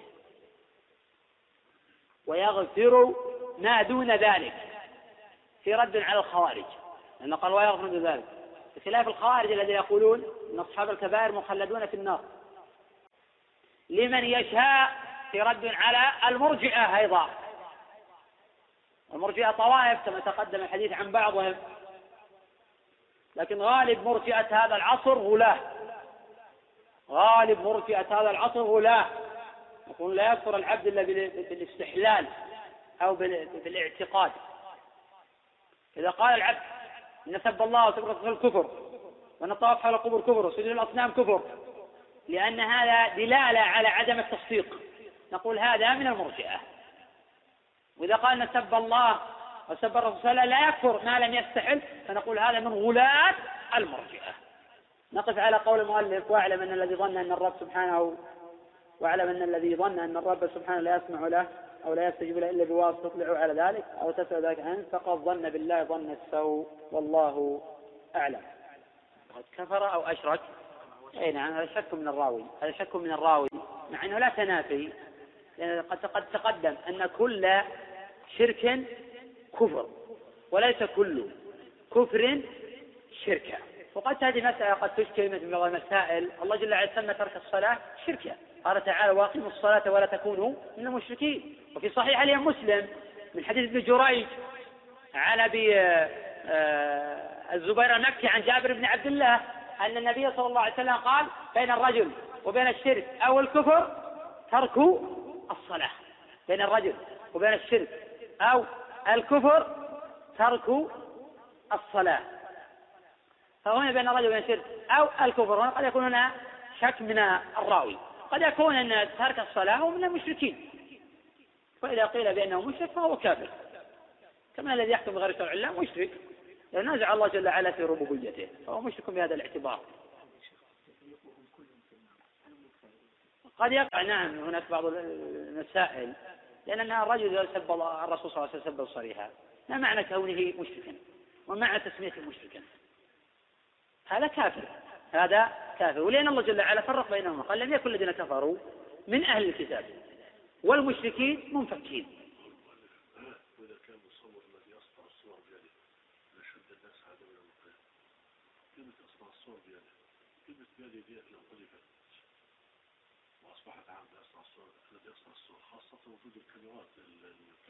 المؤلف رحمه الله قد يصنع تصاوير بيده لأنه هو الموجود في عهدهم. المؤلف يتحدث عن واقعهم.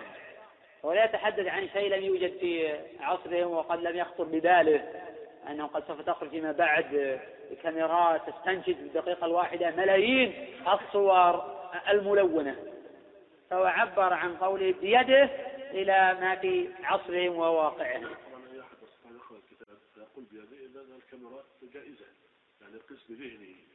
الذي يريد أن يحرف أو يتأول التأويلات الباطلة قد يجد هذا فيما هو أعظم من كلام البشر.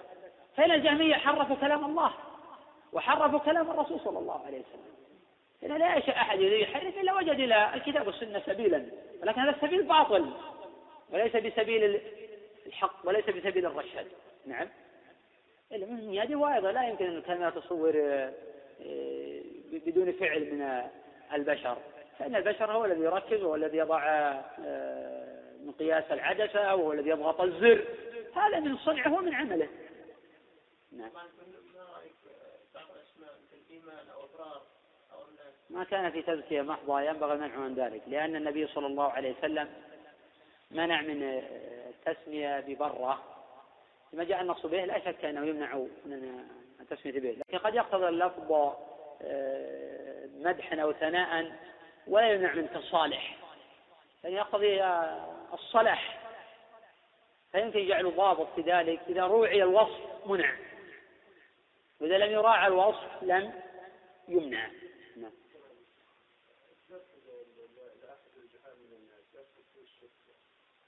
يذبح إكراما له أو يذبح لطلعة السلطان أو يذبح تقربا له. إذا ذبح لطلعة السلطان لا يصل إلى حد الشرك الأكبر لكنه محرم على الصحيح. في بعض العلماء جعله شركا وفي بعض العلماء جعله مباحا. كما هو موجود في تفسير عز حميد. ولكن الصحيح أنه محرم. إذا ذبح لطلعته فإنه محرم. وأن هذا لا, لا, لا أصل له. وهذا العمل ذميم. وقد يكون وسيلة أيضا إلى الشرك نعم.